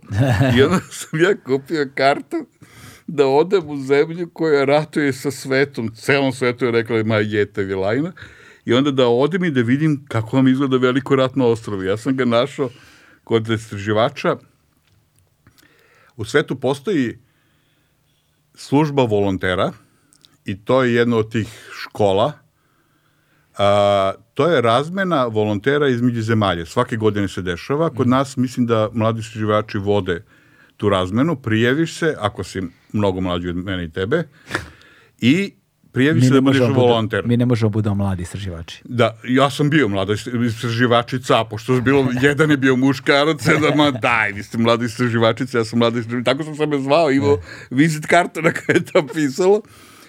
I onda mi šaljemo volontere u svet. Mm -hmm. Između ostalog u Japanu. Japan ima ogroman problem. Uh, da na severu Japana postoje one ledena jezera, topla jezera u ledu da. na, na, na, na vrhu Japana i u njima žive majmuni, to je na primjer makako ili neki Makak, majmuni, da, da. koji su Terma, zahtje... termalni izvori oni da se oni u snegu. Jedini da. koji jedu školjke i da, rone da, i da, ostalo i oni ceo život provode u vodi, jer to je jedino način da se greju, a imaju svo vreme te termalne ne nego jezerca da. u kome žive majmuni. Da. Jedini period kad izlaze iz tih jezera i hodaju snegom je trenutak kad rađaju jabuke. U Japanu jedna jabuka košta fucking 100 evra. Ne. Da. I onda majmuni izlaze zakonom zaštićeni i beru te jabuke. E sad, ne možeš da ih ubiješ jer su zaštićeni. Ne možeš da ih plašiš jer se traumiraju pa neće da rađaju. Nego moraju da stoje volonteri iz celog sveta i da, pava, da mašu i da, pa, da plaše majmune da ne bi ovi krali jabuke. Da. Iz celog sveta dolaze omladina da plaši majmune u Japanu. I između ostalog Srbi su otišli da plaše majmune na severu Japana. A pandam tome onda Japan šalje Japance u Srbiju.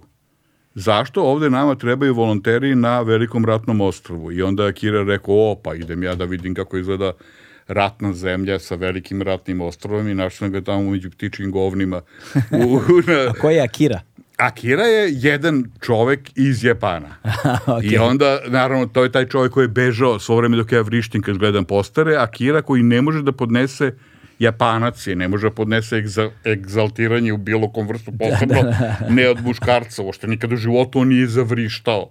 I kad ja počem da urlam, on ima transfer blama stravičan i on izađe napoj, on ne može da izdrži da muškarac se dernje kao ja, I onda ga oni smire i objasne sam ja pitom i da sam domaći i da neću ništa i da ja tako sam samo radujem. I taman ga smiri i uvede unutra, meni pokažu drugi poster i ja kira, ja, aaa, kira opet i zvup napolje. Da. Ogromna razlika. I onda uh, u Japanu, ma vi ste bre, u Japanu ste svi budale. Zašto? Jedete živu ribu i one gluposti, mislim, na šta to liči i klanjate se kad se pozdravite. A Kira me gleda, vi lažete kad se pozdravite. Kako lažemo? Pa kažete dobar dan, a nije ni dan, a nije ni dobar.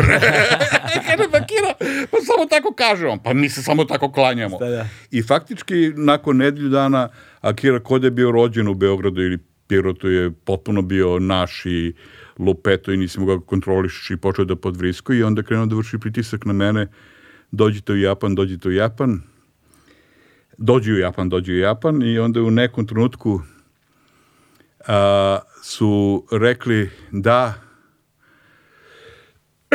postoji popust na primjer Turkish Airlines 30% karte do Japana od Istanbula do Japana mm u pola cene ili tako nešto i ja sam rekao, jao divno i onda sam rekao, Kiri, ja ću da dođim jer je ovo smešno cena za avion do Japana uh, jer možeš da mi bukiraš Ghibli muzej da vidim Miyazakija i muzej stripa.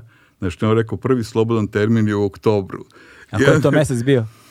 februar. Da. Zapravo, ja onda sam razmišljao, ma daj, sad kad sam već rekao doći ću, onda da, da. kupujemo kartu za oktobar i 5. oktobra sam letao u Japan da bi video Miyazaki. Koje godine? Ne znam. A, e, e, ne znam, a, e, pre 8 godina, znam. Pre 8 godina, zato što je Kira, kad sam odlazio nazad za Srbiju, rekao, obavezno dođi za sedam godina. I znam da mi prošle godine rekao, ja ćeš da dođeš, rekao, ne kažeš da dođeš za sedam godina, dođi opet, a nemoj mi odgovarati za sedam godina, godine, jer ono, da, da. on je izračunao koliko mu treba vremena da se smiri od mene. Znači, onako, Sa tradicijom dugom skoro tri decenije, Legend Worldwide je prepoznatljiv domaći brend sa akcentom na jeans, pre svega, koji odlikuju bezvremenski, klasični modeli. Tu je zanimljiva još jedna stvar koju si mi pominjao, volao bi da je pomeneš sada, jeste kada smo razgovarali o konceptu laži i istine. Postoji, postoji, samo da, da završim, dok smo, dok smo u Japanu, postoji, e, da, da, aha, e, postoji muzej stripa, koji sam ceo dan hodao kroz njega i nisam uspio da sve prostorije. Wow. Znači, beskrajno, samo, to su muzejski, ogroman u, u Kjotu, mhm. ogromna zgradurina, i svi su zidovi samo u stripovima, redovima i redove milion, milion stripovi celog sveta. I wow. nijedan nisam stao, nijedan nisam pogledao. Samo, samo sam hodao i gledao i gledao stotine dece na onim lezi vegovima kako leže i čitaju stripove, škole dolaze i tu, milion je malih jepančića uh, čitaju stripove. I to je najbliže religiji što sam ja prišao, imaju odlivke ruku svih velikih umetnika, crtača koji su bili gosti wow. u tom muzeju. I ja nikad nisam razumao te ideje sa kostima i relikvijama crkvenim do tog trenutka. Da. I onda kad sam čekaj, nemoj pričati da je ovo ruka od Hermana ili ruka da. od eh, Hugo Prata, znači ne mogu da verujem da, da gledam njegovu šaku kako drži pero, odlivak u gipsu. Wow. A čekaj, I, kao drži, znači bukvalno odlivak eh, Odlivak kako njegov, drži oni per. pust, stave ruku kako drže pero i onda oni to da. odliju i onda imaju od svih velikih majstora I kao stoji Hugo Prat. I da, wow. da, kao tegle ogromne sa tim njihovim rukama.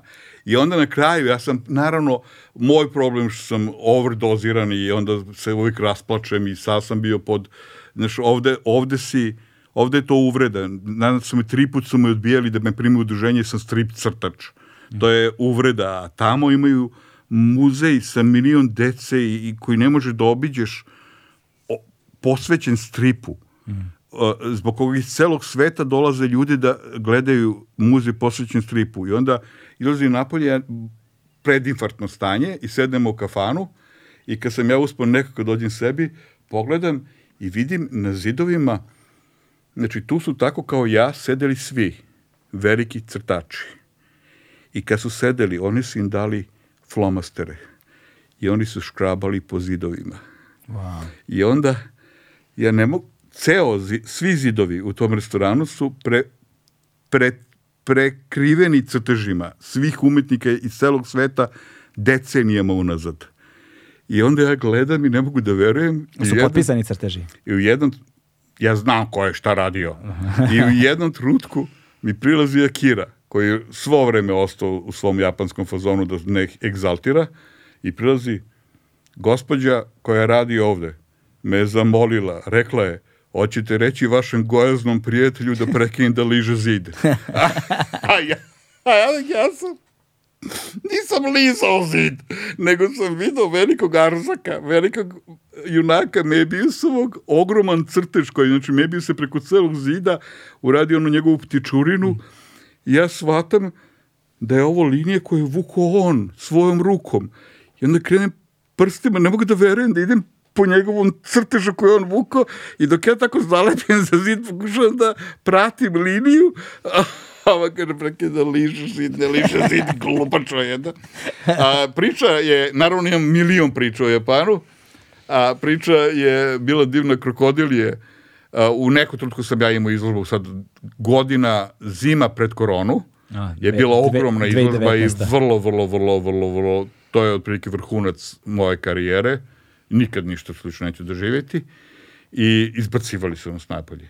Izbacivali su ljude napolje, gasili su svetlo u muzeju da bi ljudi izašli napolje.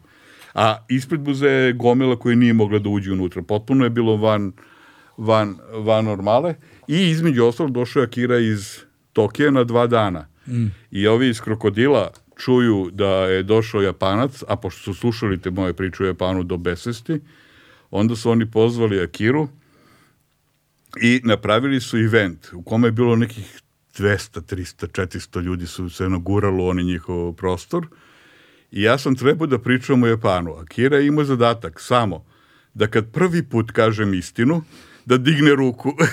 Da, da. da, da nije dan pod stoka, nije digla ruku. ja sam se sve trao, ja se stanem. Prekini, digni ruku. nije tačno, jeste tačno, nema mi, molim te. Ja valjda uvek malo preteram i onda on Nema veze, ali tu, tu, ozbiljan. Tu, do, ali tu dolazimo do koncepta uh, istine i fikcije, da ne kažemo baš, la, pardon, da ne kažemo baš laži. Uh, uh, istina je statistika i ima svrhu kao, samo kao statistički podatak. Ti ne dobiješ ništa od, od istine kao takve. Ti ako, ako ja dođem i kažem tebi da dok sam došao ovde bilo je 47 ljudi u autobusu, ti nemaš nikakav podatak, ništa ti nisam rekao, ti će me gledaš belo, ne kapiraš o čemu je govorim.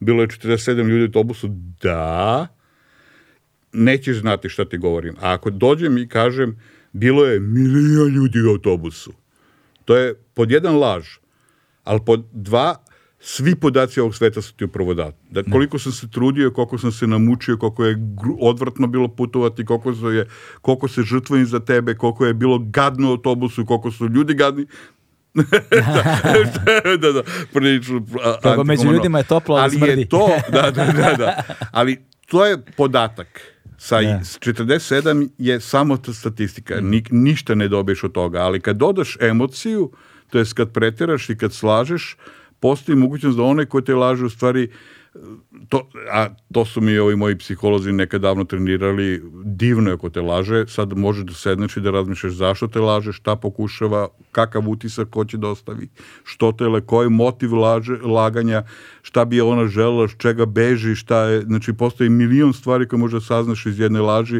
mm. iz istine, nje, podatak samo.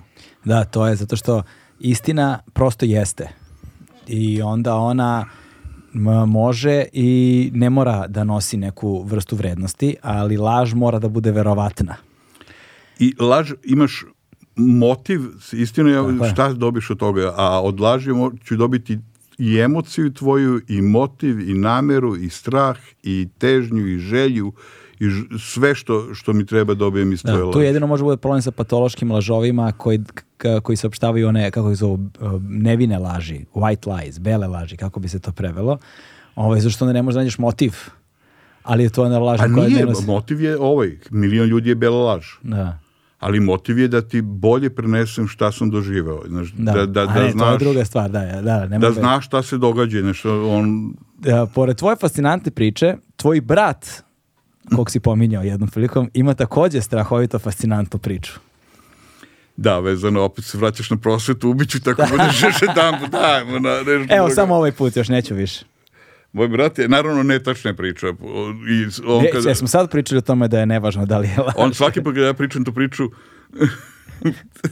ček, brat je posle na brata zaboravit sigurno, sedim u nekom društvu i ja, veliko društveno da, 15 ljudi i ja zabavljam jedan deo stola mm -hmm. i pričam da je moj drug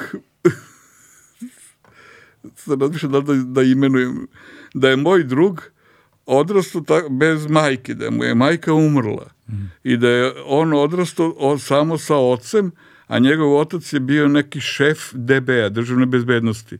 I onda faktički su njega odgajili u DB-u. Mm. Otac ga je vodio na posao i on je kao beba živeo u DB-u dok otac radi, on tamo živi tako da ima sve veze jer su ga DB-ovci odgajali i on tako da on zna kad će biti bombardovanje, kad neće biti bombardovanje, što njemu javljaju na njihovo dete, oni su ga odgajali. Sad vidim da osoba koja to pričam ne gleda u mene, nego gleda da mimo mene. Ja se okrenem i za sebi pogledam druga moju Žaretića šta pričaš, Bobe? A nešto o tvojoj prošlosti. Bobe moja majka je prošle godine umrla, ja sam imao majku, da, prošle godine, bio si na sahrani. U, pa što te onda tata vodio na posao? Koji posao, Bobe, kakva državna bezbednost njima je vodio na posao, stino... Pa čekaj, ti nisi rastao državne... Nisam, šta ti je? a u, onda izgleda laže. Kome si rekao? Pa svima. Pa čekaj, zovi. Pa vojno mogu zove svakoga, aj na da što dvoje nije državna bezbednost, to je glupo. Tako da, ajde, gledam. Kako, kako, moj drugar, kako je moj drugar jednom rekao, kaže, otkad sam sebe uhvatio laži, više nikome ne verujem. Ali nisam potpun, ja nije problem što ja najviše ja verujem u svoje priče i onda nije mogu voje da shvati šta, jer on je bio do mene i slušao svo vreme mhm. zapanjeno svoju prošlost, a man šta lupetaš. u kako sam ja to tako, znaš, pa onda je ispalo da je on profesor koji je iz Novog Sada, koji je pomogao nekada sa nekom informacijom o istoriji bezbednosti, ja sam od toga napravio svoju biografiju njegovu i držao sam se toga i vremenom je postala istina. Šta sam prekinuo? Tvom bratu. Aha, moj brat naravno koji je istako kaže šta pričaš Bobe? E, onda, e, onda odvali, na primjer, nije osmica nego je bila devetka ili tako nešto. Moj brat je na elektrotehničkom, na primjer, fakultetu uradio rad na nekoj trećoj ili četvrtoj godini. Sad, brat će reći nije bila treća, nego četvrtoj godini, ja mislim da je bila na trećoj godini, dobio osmicu na elektrotehničkoj i on, koji je uvijek bio čet, potpuno suprotno s meni, sto puta ozbiljniji i zreliji od mene, iako je mlađi, Uh, on dolazi kod profesora, ja kad bi dobio osmicu na akademiji, ja sam bio najgori đak generacije, ka, ja bi slavio, on dolazi i kaže ovo nije za osmicu. Mm. Na šta profesor kaže to jeste za osmicu, kolega gubite se. Ne, ovo nije za osmicu, ovo je za bolju ocenu, ne, to je loš rad, to je za osmicu i otkači ga profesor. I Borazar koji je, naravno ja bi, ok, takav je život, i u celom svetu daju osmice, kako već eto, imam o prosveti, Borazer uzme i pošalje na, na primjer, 200, on će na to da digne ruku, nije 200, nego na, na 100 adresa, raznih univerziteta najboljih u svetu pošalje svoj rad. rad. Mm. Ali to je jedan od radova. Da li je ispitni rad, da li je završni rad te godine. Znači, jedan projekat je napravio i on uzme i pošalje na stotinak adresa raznih univerziteta taj rad, ispitivanje na, na, na, na na nečega. I od tih 200 adresa mu se javi 50 univerziteta sa raznim komentarima, od toga njih desetak ga pozovu da dođe kod njih da predstavi taj rad, a na primjer tri ili dva univerziteta mu kažu da će mu platiti dolazak i sve troškove da dođe da gostuje i da im predstavi taj rad. I on prihvati San Diego, na primjer, na primjer, da. razmišljamo da li možda neki Santa Barbara, ali sve mi to isto. Da, da, da, da. U svakom slučaju on prihvati jedan od tih univerziteta, oni naprave njihov zbor starešina, saslušaju i njegov rad i on, student znači iz Beograda, on završi rad, oni se većaju i saopštuju mu da je odličan rad, da su vrlo zadovoljni i kad bi mogu da počnem da radi kod njih. Da šta brat kaže, šta da radim? kaže, pa za početak da budem jes asistenta, a ja još nisam završio školu, ja sam još u školi. I onda se oni potpuno zbune i brat se vrati, završi 90. godine, završi ovde uh, u uh, školu, fakultet. Da. I kad je završio ode tamo, postane uh, asistent, posle, na primjer, dve godine umre njegov profesor da, i onda on profesor. Umeđu vremenu on napravi milion nekih radova i evo sada je ovaj Mars rover, ovaj vo, o, o, o, vozilo na Marsu, imalo njegov program za za hodanje Marsom. On je pisao taj softver, a inače kao rešava probleme saobraćaja po gradovima, ima šta, kako god da. ima to veze sa elektrotehnikom, tako da ne wow. Na? Tako da, naravno, nema vremena da se vrati, ponekad svrati, pa nije sigurno da ćemo da se vidimo, jer leti po svetu i drži predavanje u celom svetu, sa osmicom. Wow, sa osmicom iz rada, jednom kojemu je promenio život. Na kraju mu je taj profesor učinio uslugu. Da, Da, ako je to usluga. Ako ti je život, da, ako ti je cilj u životu da letiš okolo i da nemaš vremena da svratiš. Hej, vrlo, je, iz... vrlo je veliko pitanje. Da, vrlo je veliko pitanje, ali on je izabrao taj svoj život, valjda je zadovoljan njime. Pa da, zavisi šta ti je motiv. Nikad nis, ne znaš šta je u paketu. Znaš, da li ću morati da gostujem kod Galeba ili mogu da se crtam. Ja sam izabrao da crtam i zbog toga sediš ovde, znači, tako da ne ide, nis, nis, nisam siguran kako je, šta je paket. Jasminka uživa u pojavljivanjima i da radi sa decom. Ja, mm. Meni je to ogromna kazna. U TikToku, kad smo radili, TikTak je deči časopis, prema svi, svi rodili, uh, imali smo, znači ja crtam u TikToku zato što je meni izazov, jer mi je tadašnja devojka rekla da sam nesposoban da crtam za decu, Lako, lako je tebi sa fantastikom i leševima, ajde probaj da nacrtaš nešto za decu i onda mi je to bio kreativni izazov kako crtati za klince i kako razmišljati, ogroman problem, kako razmišljati za kli, kao klinac i zato radim. A posledica je da utorkom mora da se javljam na telefon, jer mm. utorkom, u TikToku je bilo, tada nema interneta i nema ničega, je bila informacija da se utorkom na telefon redakcije javlja Jajzi, moj lik. I onda, znamo ja sam Jajzi, koji problem imaš? I onda sam razgovarao sa petogodišnjim detetom kao Jajzi, Jasmin kao oduševljena, jada, suza mi suzu stiže, neću da se javljam na telefon, tako da ne ide, Nis, nisam siguran šta se pazariš, ali valjda još uvijek... Ali nekako, znaš, evo, ali kad posmatramo, recimo, čini mi se da ja, evo, govorim, pominjamo Jasminku i pozdravljamo je ovom prilikom, zato što je zaista divna osoba, Ovaj, i... Je bila? Jeste, bila je, naravno da je bila. Ja sam zadnji koji je došao. Če znači, zatvore vrata i promene namenu studije. ne. Ok, Nije sad slučaj... snimamo filmove za odrasle, više nema, gotovo. O... Svi su bili. ovaj, Jasminka, uh, recimo film uh, Leto kada sam naučila da letim, I ja sam tek u razgovoru sa njome i u razgovoru pre toga sa Rašom Andrićem, jel te, i sa Milanom. I on je bio da i on je bio, jeste, o, i, sa, i, sa, i sa Milanom, dakle, iz uh, eh, Sens produkcija, ali tako? Onda, Samo nastavi da nabroješ. Da, da, ne, neću ništa nabrojam, ne brini ništa. jer, bila, jer bila Ana? A, koja Ana? A, a, a, Ana Petrović, čerka. da. Da, da, nije bila, nije bila. Još e, ona ti je važnija od mene. Da, znam. Ona je promenila sada trenutno svet. I menja svet. Evo ti sad u, u, u sada je u Sarajevu uh, izložba knjige i to izložbu drže psiholozi i psihijatri, a da, u, bila je u Italiji na, uh, priča o njenoj knjizi, znači bukvalno cela Evropa trenutno vrišti o stripoterapiji. Da, da, stripoterapija odlična ima. A, i odlično je kao ovo što povremeno provlačiš od toga šta se izabra, kako ti ide život. Znači, kad ti se dogodi nešto i mm. kako se pravi ta limunada, i, znaš, ona je otišla na terapiju, i ok, šta da radim sa tim, crtaću pa te. Znaš, da, da. strašno dobar način kako rešavaš problem u životu. Jeste, jeste, jeste. Nikad ne znaš gde ti se zapravo i na koji način vrata otvaraju. Ja mislim da se uvek može ako nisi depresivan. da, u, u, od svega bi mogo da napraviš pitu. Mm, da, znaš, moj problem kada postaviš tako neko, uh, da, tako neko pitanje... Isključivo.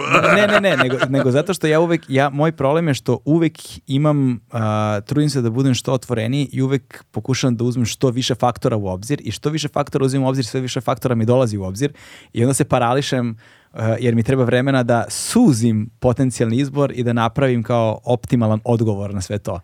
Zato ja volim da imam pripremu za gomilu stvari, jer ako me pustiš ovako, to ode da dođavola sve, znaš jer onda imam tu od da, analize, kako kaže ono, previše analize dovodi do paralize, ili tako pa, nešto? Nije otišao do da ođevanog, to onda razgovor.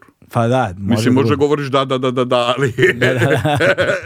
što je okej, okay, meni... Što, što je okay, ali da, onda struktura razgovora, struktura razgovora ovde dođevala, sve ovde dođevala. Ma, ma. Onda, onda sedimo i pričamo kod valudaka, ono, zauvek. Što znaš. bi rekao, ja, moj drug, neću da mi ti ilustriš knjigu, onda će svi znati da je to Bobova knjiga, niko neće znati da sam ja pisao, tako da, onda, ako vičeš da, da, da, onda neće biti galeb u tako, mislim, tako, tako da. je, i da. to je istina. I to je istina. Što mnogim ljudima smeta, o Bože moj. Ove, ovaj, e, a, se sam zaboravio o čemu smo pričali. A, na, da, kada, kada, su, kada su oni bili gosti, dakle Raša i, i Milan i posle toga Jasminka i tako dalje, to je nešto što negde kada su rekli, bio sam u fazonu, pa da čoveče, da, vidiš, nisam razmišljao o tome, ali je evidentno da je onog trenutka kada su oni to izgovorili. Da mi u posljednjih 20 godina smo snimili pet filmova, mislim, pet beše, pet film, 20 nešto godina, pet filmova za decu i mlade. Ukupno. Ukupno. Znaš, i onda zapravo vidiš ulogu osobe poput Jasminke i naravno drugih ljudi koji su učestvovali u svemu tome a, da ni, oni moraju da iskorače iz svoje zone komfora onoga u čemu su najbolji, da kao ambasadori, svoje, svoje vrstni ambasadori određenih tema, pitanja u kulturi, postanu deo javnog diskursa Zato što nema dovoljnog broja ljudi.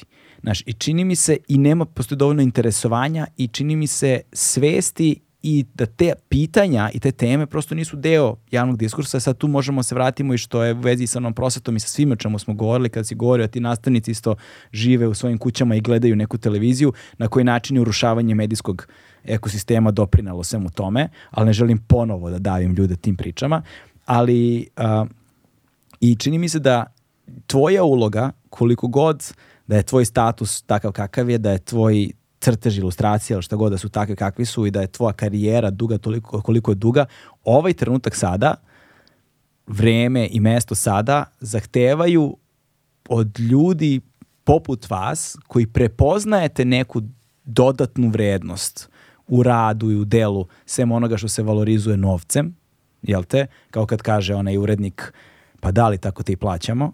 Znaš, da ti prepoznaješ zapravo jednu prazninu koja ostaje onog trenutka kada se sve postavi na, na, na, nivo, na nivo cenovnika, ovaj, da se iskorači iz te zone komfora i onda da se vode ovakve teme i ovakvi razgovori, jer to je ono što, čemu smo pričali isto tada, da vaši likovi delo nose određenu vrstu socijalnog kapitala i određenu vrstu identiteta među populacijom koja onda počinje možda da razmišlja o temama o kojima nije razmišljao tog trenutka kao ja što nisam razmišljao o tome da ne postoji sadržaj za decu i mlade, posebno filmovi, i serije i tako dalje, i da je ono što je na televiziji nekada bilo kulturno obrazovni program, naučni program, zabavni program, program za decu, prosto nestao vremenom, na kojima smo mi svi odrastali.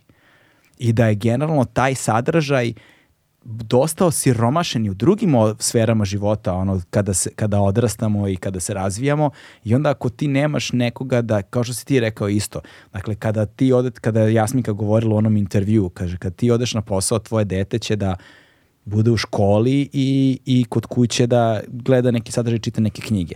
Ali ako mi ne nudimo nikakav sadržaj, nikakve knjige, nikak, ništa što će to dete da gleda, šta će ono da gleda? I u će da a, da pre, se pretvori vremena. Moj Milan Sestić je znao engleski i čito Harry Pottera pre škole. Zahvaljujući YouTube-u i igricama. Zahvaljujući kao, kao Warcraftu deca, i... Kaže, sestra ga ostavi kod Warcraftu mene. ili Minecraftu? Warcraftu. O, moj sestrić je tvoje godište. Aha, okej. Okay. Sestra ga ostavi kod mene i sve u panici, pošto ga ostavi kod mene, da li će preživi dete. I onda kaže, vraćam se sa pijece i trči kod mene u podstanara da vidi, da vidi da li dete živo, da li znači, iz lifta čuje urlanje moje kako psuje mater, mačar, mačar, ima tri godine, na primjer, Milan i trčava u stanu panici, i vidi Milano kod mene u krilu kako igra Diablo 1. Pucaj, pucaj, tako udrga, udrga, udrga. Prke se deriš na dete. tako da, a, a, i onda je on morao da nauči šta mu igrica govori. U početku mm. je mhm. bilo ono šta kaže, šta kaže, a onda ma, od, daj, otkači me se mm. sa pitanjima nauči i komunicira. Inače, i onda, da, u Warcraftu je morao da uđe, da, da razgovara i on je naučio jezik mislim da je nemački imao u školi, na primjer, ili tako nešto, a engleski je naučio mimo toga, tako da ne ide. A, sa internetom deca imaju prilično sadržaj. S druge strane, ja sam imao prvi, drugi program. Imao sam crtani u 7 i 15. Mm. Znaš, i deči film, kad se pojavi, onda odeš šta u bioskop, ako je bilo, pored Sutjeski i Neretve.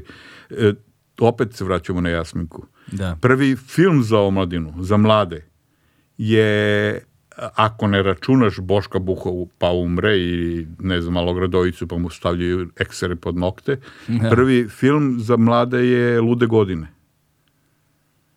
Je, znaš da. koji je to film? Da, da, ali je to prvi film?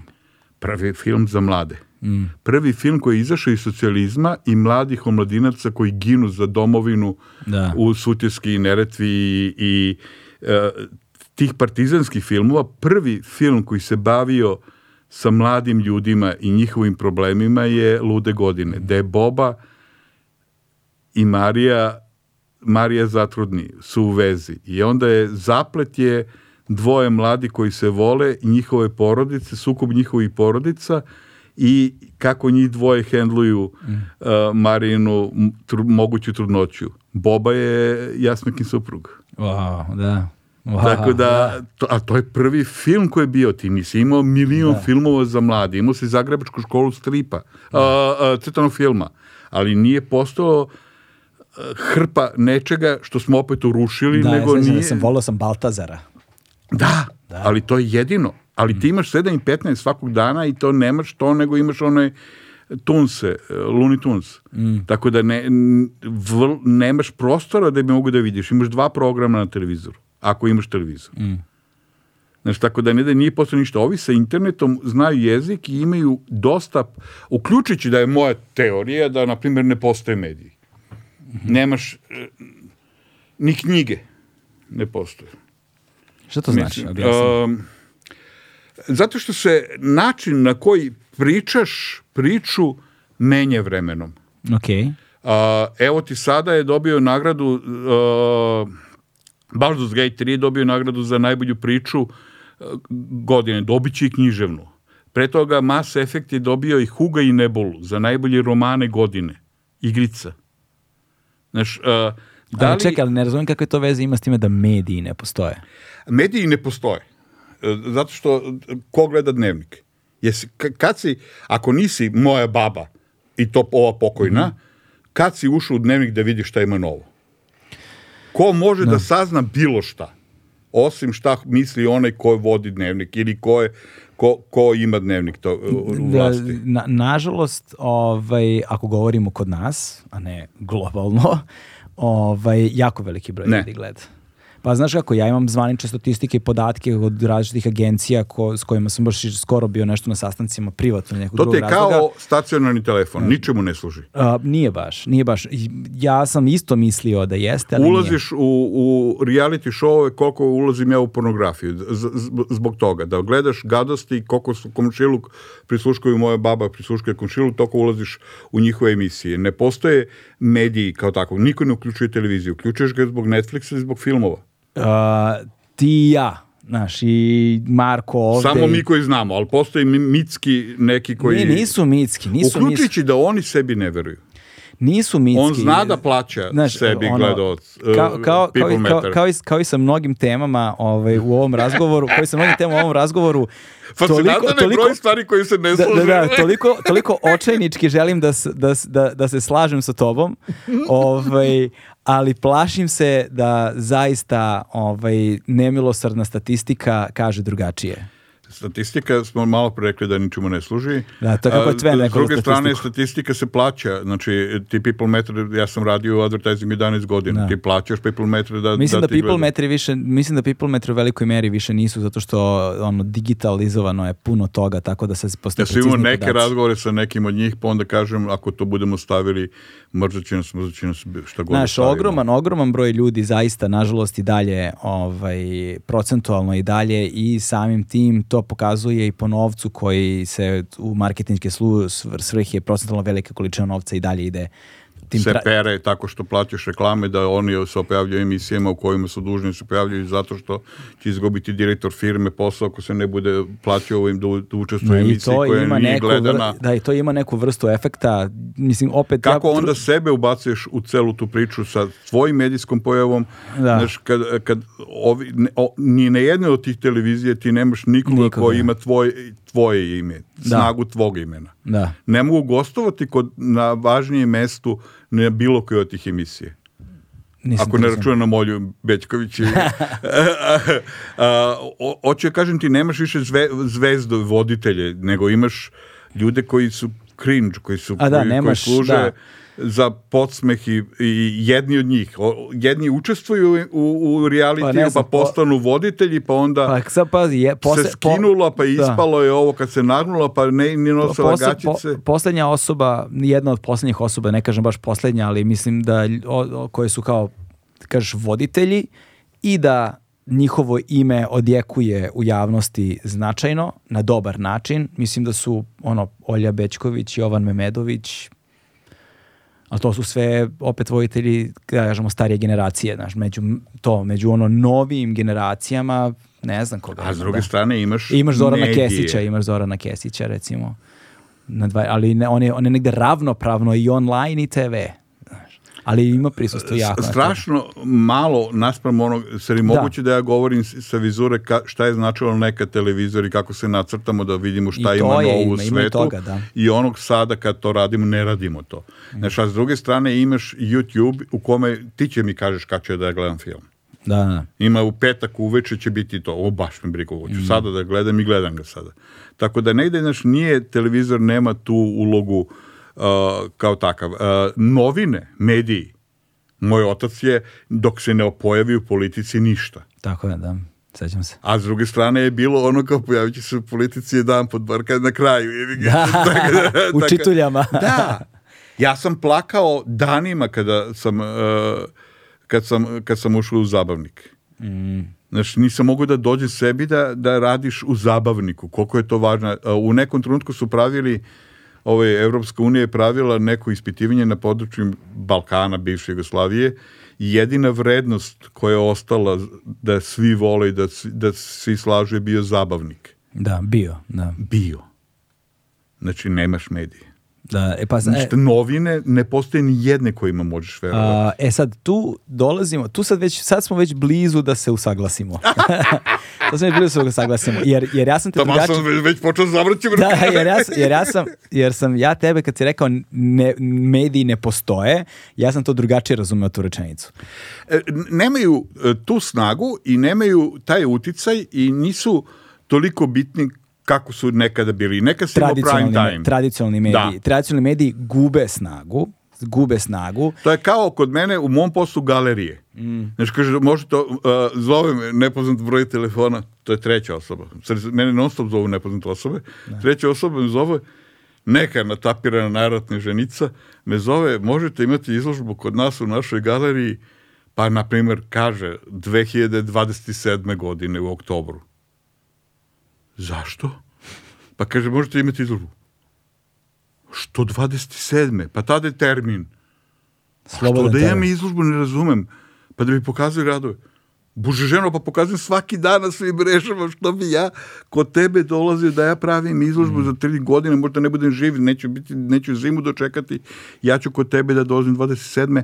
Znaš, galerije su nefunkcionalne, jer ti već možeš da pokažeš i u galerijama za za, za, za, za dva meseca ne vidi toliko ljudi koliko vidi za dva sata kad staviš na Facebook. Da. Tako da, koja je funkcija galerije? Koja je funkcija televizije? Koja je funkcija inf, informa, informativnog programa? Ali opet, opet zavisi, pa e, sada, tu se već razlikuju stvari. Za početak galerija se razlikuje utoliko što uh, sad, e, jebi ga sad, koja galerija? To je sad opet veliko pitanje. Ali, uh, ako si nepoznat umetnik, ako nemaš to prisustvo na mrežama, ako, ga ne, ako nije dovoljno jako, teško je, nije tako lako napraviti ga. Znaš, opet po, ne, moramo počnemo od nekoga ko možda nema nikakvu mrežu, ono... Uh... Užasno je lako napraviti ga. Zombijana je, Zombijana je napravila, sam u nekom trutku rekao, to, to je bilo pre... pre I, ona, šest... I ona je bila gostima. Kako me nerviraš, to je ne, neopevljivo, majke mi, pogasit ću sve, pobiću ti ribice, da, poješću ti ribice. niko ti nije rekao da će ti poješti ribice. Niko, ti si prvi, niko, re, niko nije rekao neće da ih pa pobije. Gledao sam šta je la, slabiji od mene, ne sam da bijem tebe, ne sam ovoga, dobit ću batine, znači jedino ribice da napadne mi. One se manje brane. Zombijana nije znala da crta, nije znala ništa. Ona ne zna još uvijek da crta.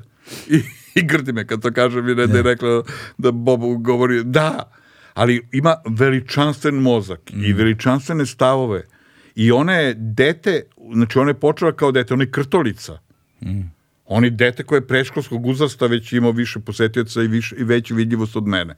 Znači, možeš strašno lako, ako pa imaš... Pa nije strašno tada... lako i ona je, boga me, na toj svojoj prisutnosti na mrežama radila godinama. Ne, ne, nego je na, na svom mozgu radila godinama. Kad je objavila da. prvi crtež, ljudi su počeli da šeruju, nema šta da radiš na mrežama. Da, da. Staviš crtež i onda ja kažem, jo majko ili ja se slažem s ovim, šer.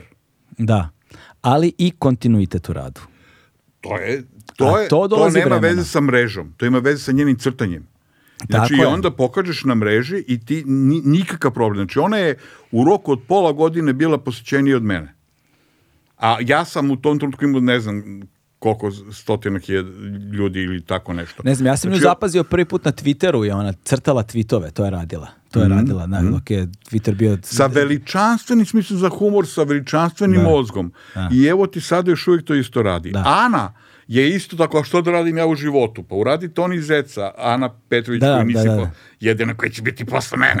a, a, ona je uradila Toni Zeca, strip, nakon prve table stripa su svi je delili. Mm. Ne, zato što zna, oni ne znaju ko je. Onda je devojčica došla kod mene i ono sva je depresivna. Zašto? Što svi misle da sam ja muško ili zec. Jer se, što se potpisala sa Toni zec ako nećeš da budeš muško i zec. Ali niko ne zna ko je nego dele zato što se slažu. Da. To, ti, to su ti mreže. Uh, evo, to ti je demokratija i to ti je pravda. Mm Nema profesora koji je razmišljam koliko treba pljujem, pokušavam i da ne pljujem preše, previše prosvetu, a, a s druge strane opet, čak i kad pljujem, vratit ću te opet na, na diskusije prosveti, ja ću se ubijem, onda da, sam sam sebi grob iskopao. A, u, umro je profesor, mm. na primjer možda na mojoj katedri, Dobro. i onda tri godine katedra nije imala profesora. Dok najgluplji među nama nije uspio da pukne kao bravar u radnji svog oca i otišao je da radi kao profesor na akademiji. Da. Jer nije imao drugi način da zaradi pare. Mm. Tako da negde, znaš, zavisi šta im, zašto, ti, zašto ovo govorim? Pričali smo o mrežama. O, pričali smo o medijima. O, medij, o medijima su pričali, o snazi. A, snazi. O, drugim rečima, ako imaš šta da kažeš i ako imaš, znači potpuno možeš da napraviš uh, karijeru odmah, samo što ti mora da radiš i mora da imaš... E, da kažeš. dakle, ako ti imaš u sebi taj neki, ono, nazovimo ga X faktor, ne, tu nepoznatu jednačini, tu, tu nepoznatu X ako u sebi imaš, to je taj neki faktor koji ne možemo da kalkulišemo, ne možemo da ga napravimo. Nije ne možemo, tačno. Nije misliš, tačno. Misliš, ne da na, ne. možete napraviti? Ne. Mor, ako si radio na sebi, mm -hmm. to mhm. znači, hoću da, imam, da, da, da vidim koliko imaš knjiga. Mm -hmm. Hoću da ti uđem u sobu, da ti vidim koliko imaš knjiga, da vidim s kim se družiš, mm -hmm. da vidim šta, gde si bio, šta si, šta si radio u životu, koliko si poslova puko, koliko si puta ispod glup, ko te sve zeznuo, šta si sve probao, Da, da, kod mene lista nepregledna. E, kad stvari imam jednog druga koja je predivna, to je njegova reklama, radite sa mnom, nema govnu koju nisam zgazio. ja kažem, šta to znači? kaže, pa to znači da nema, da, da, da mogu da me prevare. Sve da, da. su mi već to uradili, tako da se znam kako da hodam ulicama, da preskočim svaku zamku. Da. A, saldo svega toga je taj crtež. Mm o, nemaš ti stavove osim oni koji pokupim iz zadužbine, iz ovoga, iz onoga, stvarno vreme ti govorim ovo mi liči na ovo i ovo i ovo i ono, zato što to su sve oni inputi, sve to ubaciš u sebe i kad sve te filmove koji si gledao, sve te igrice koji si učestvovao, svi poslovi koji smo probali i onda na kraju izađe to iz tebe kao nešto. Da. da li je socijalno iskustvo, pa onda tako se snalaziš, mm. sada to je ono što ti rekao za školu, da. Znaš, da te pripremi za život i za, za, za društvo u koje ulaziš. A, možda i to jedan od aspekata moje ličnosti, ali kad sve to ubaciš, da. nije to x faktor, nego to je input koji si dobio i onda rezultat svega toga, zbir svega toga je moj stav o školi koji je ovaj moj stav o društvu koji je ovaj. Jo, dok ćemo nas dvojica ovako. Dakle, apsolutno sam saglasan. O, sa... Nemaš X faktor kod klinca od 17 godina koji nije ništa doživio, nije pročitao ni jednu knjigu, nema ništa, ali, nema ga. Ali, ali, ali, ali, postoji ogroman broj dece koja u životu nije imala ni mogućnost, verovojne, koji su, koji su odrastali u kući sa nula knjiga koji odrastaju u kući sa nula knjiga, koji odrastaju u okruženju, u okolnostima koje ih vuku na dole i kojima nije jednostavno da pronađu uopšte ono što bi rekli e, ulaznu tačku znači od koje će početi da odmutavaju klupko. Da, na celom tom putovanju strahovito je važan tvoj, in, tvoj individualni rad, tvoja znatiželja, radoznalost duha, ono, potreba da saznaješ da ovako, da onako, ali to mora negde da počne. I čini mi se uh, da ono sve vreme prenebregavaš negde trenutak da postoji ogroman broj neprivilegovane dece, ljudi koji nemaju mogućnosti da krenu na to putovanje uopšte. Imam jedno druga koje je neprivilegovano dete, a, roditelji iz a, dole Južne Srbije nisu im mogli da ga hrane i poslali su ga u vojnu školu. I on je bio prijatelj mog prijatelja i moj prijatelj nakon vojne škole – uzme i ode da se bavi kulturom jer je beograđanin i ovde ga preko raznih, e, raznih veza uzmu da bude, da bude u kulturnom programu neke od ovih mhm. stanica, a njegov drug koji je plemenitiji i pametniji, koji je tu zbog menze, nije imao mogućnost, nego ga dobije iz vojne škole – kako se zove, transfer, da bude na vojnom brodu. Još uvijek se nije, Srbije i Crna se nisu ras, mm -hmm. raskrčili i on ode na vojni brod. I dečko koji je divno detence i plemenita osoba ode i bude na vojnom brodu po ne znam koliko mjeseci na pučini. Mm -hmm. I kako ti je, pa zabavaju me, tuku me, nije, nije lako vojnici na tom brodu negde u nekoj zemlji koja se raspada. Jeli, a oni tvoji uh, kursevi koji si ti prošao, ju bože, to je bilo pre 40 godina, otko znam koji su kursevi, kako ti možeš doći u njih, ali sigurno ih ima na internetu, ima non stop nevladine organizacije organizuju džabe kurseve raznih skillova. Aha, I onda je on kad ljubavnici izađu na dva meseca, on odlazio na internet i uh, e, surfovo i u, u, upisao razne od tih kurseva. Saznao razne od tih kurseva, završio razne od tih kurseva. Jeli, Bobe, a kako se piše CV? Nemam pojma, nikad nisam pisao CV, to je, ja, ja to na ime idem, ali imaš sigurno na internetu. On je uzao, otišao na internet, znači opet vojnici izlaze u grad, odlaze, traže žene, on odlazi na, u internet klub s igronicu i ulazi na kompjuter na internet i a, traži kako se piše CV i napiše CV i pošalje na ne znam koliko organizacija svoj CV da je završio vojnu školu, da ima iskustvo na ratnom brodu i da ima ovih sedam završenih kurseva iz psihologije. Da. Nekih i pošalje na ne znam koje sve adrese. adrese i na primjer, sad ću da lupim, UNESCO ili neko, ni UNICEF, ga pozove i kaže vama treba samo malo do obrazovanja, da li biste pristali da odete do Engleske na šest meseci na, do, do obuku? A, da. I oni ga pozovu, onda otkaz vojci, ode na do obuku i onda je bio predstavnik to Evropske unije za vojna pitanja u našem parlamentu. Mm. I sad ima, na primjer, moju godišnju platu kao svoju mesečnu platu, ako je to relevantno. Da li, hoću da kažem... Iz je dalje, ničega. Da li, to je dalje individualna priča. Znaš, ja govorim o svim ovim ostalima ko, kojima je on bio okružen. Da sve njih podignemo na jedan nivo. Znaš šta, a, a, a, kad bi... Kad, kad bi ne nužno da budu... Postao zagovor, kad bi bio, postao dogovor da je to cilj, možda pa, bi mogli. Upravo o tome i govorim sve vreme. Da, vidiš da se slažemo, ja ti s vreme kažem da se mi slažemo, ti s vreme da, da. svađaš. Pa ja znam da ne sva... Upa... Gde su ribice? Da, nemoj da ih je...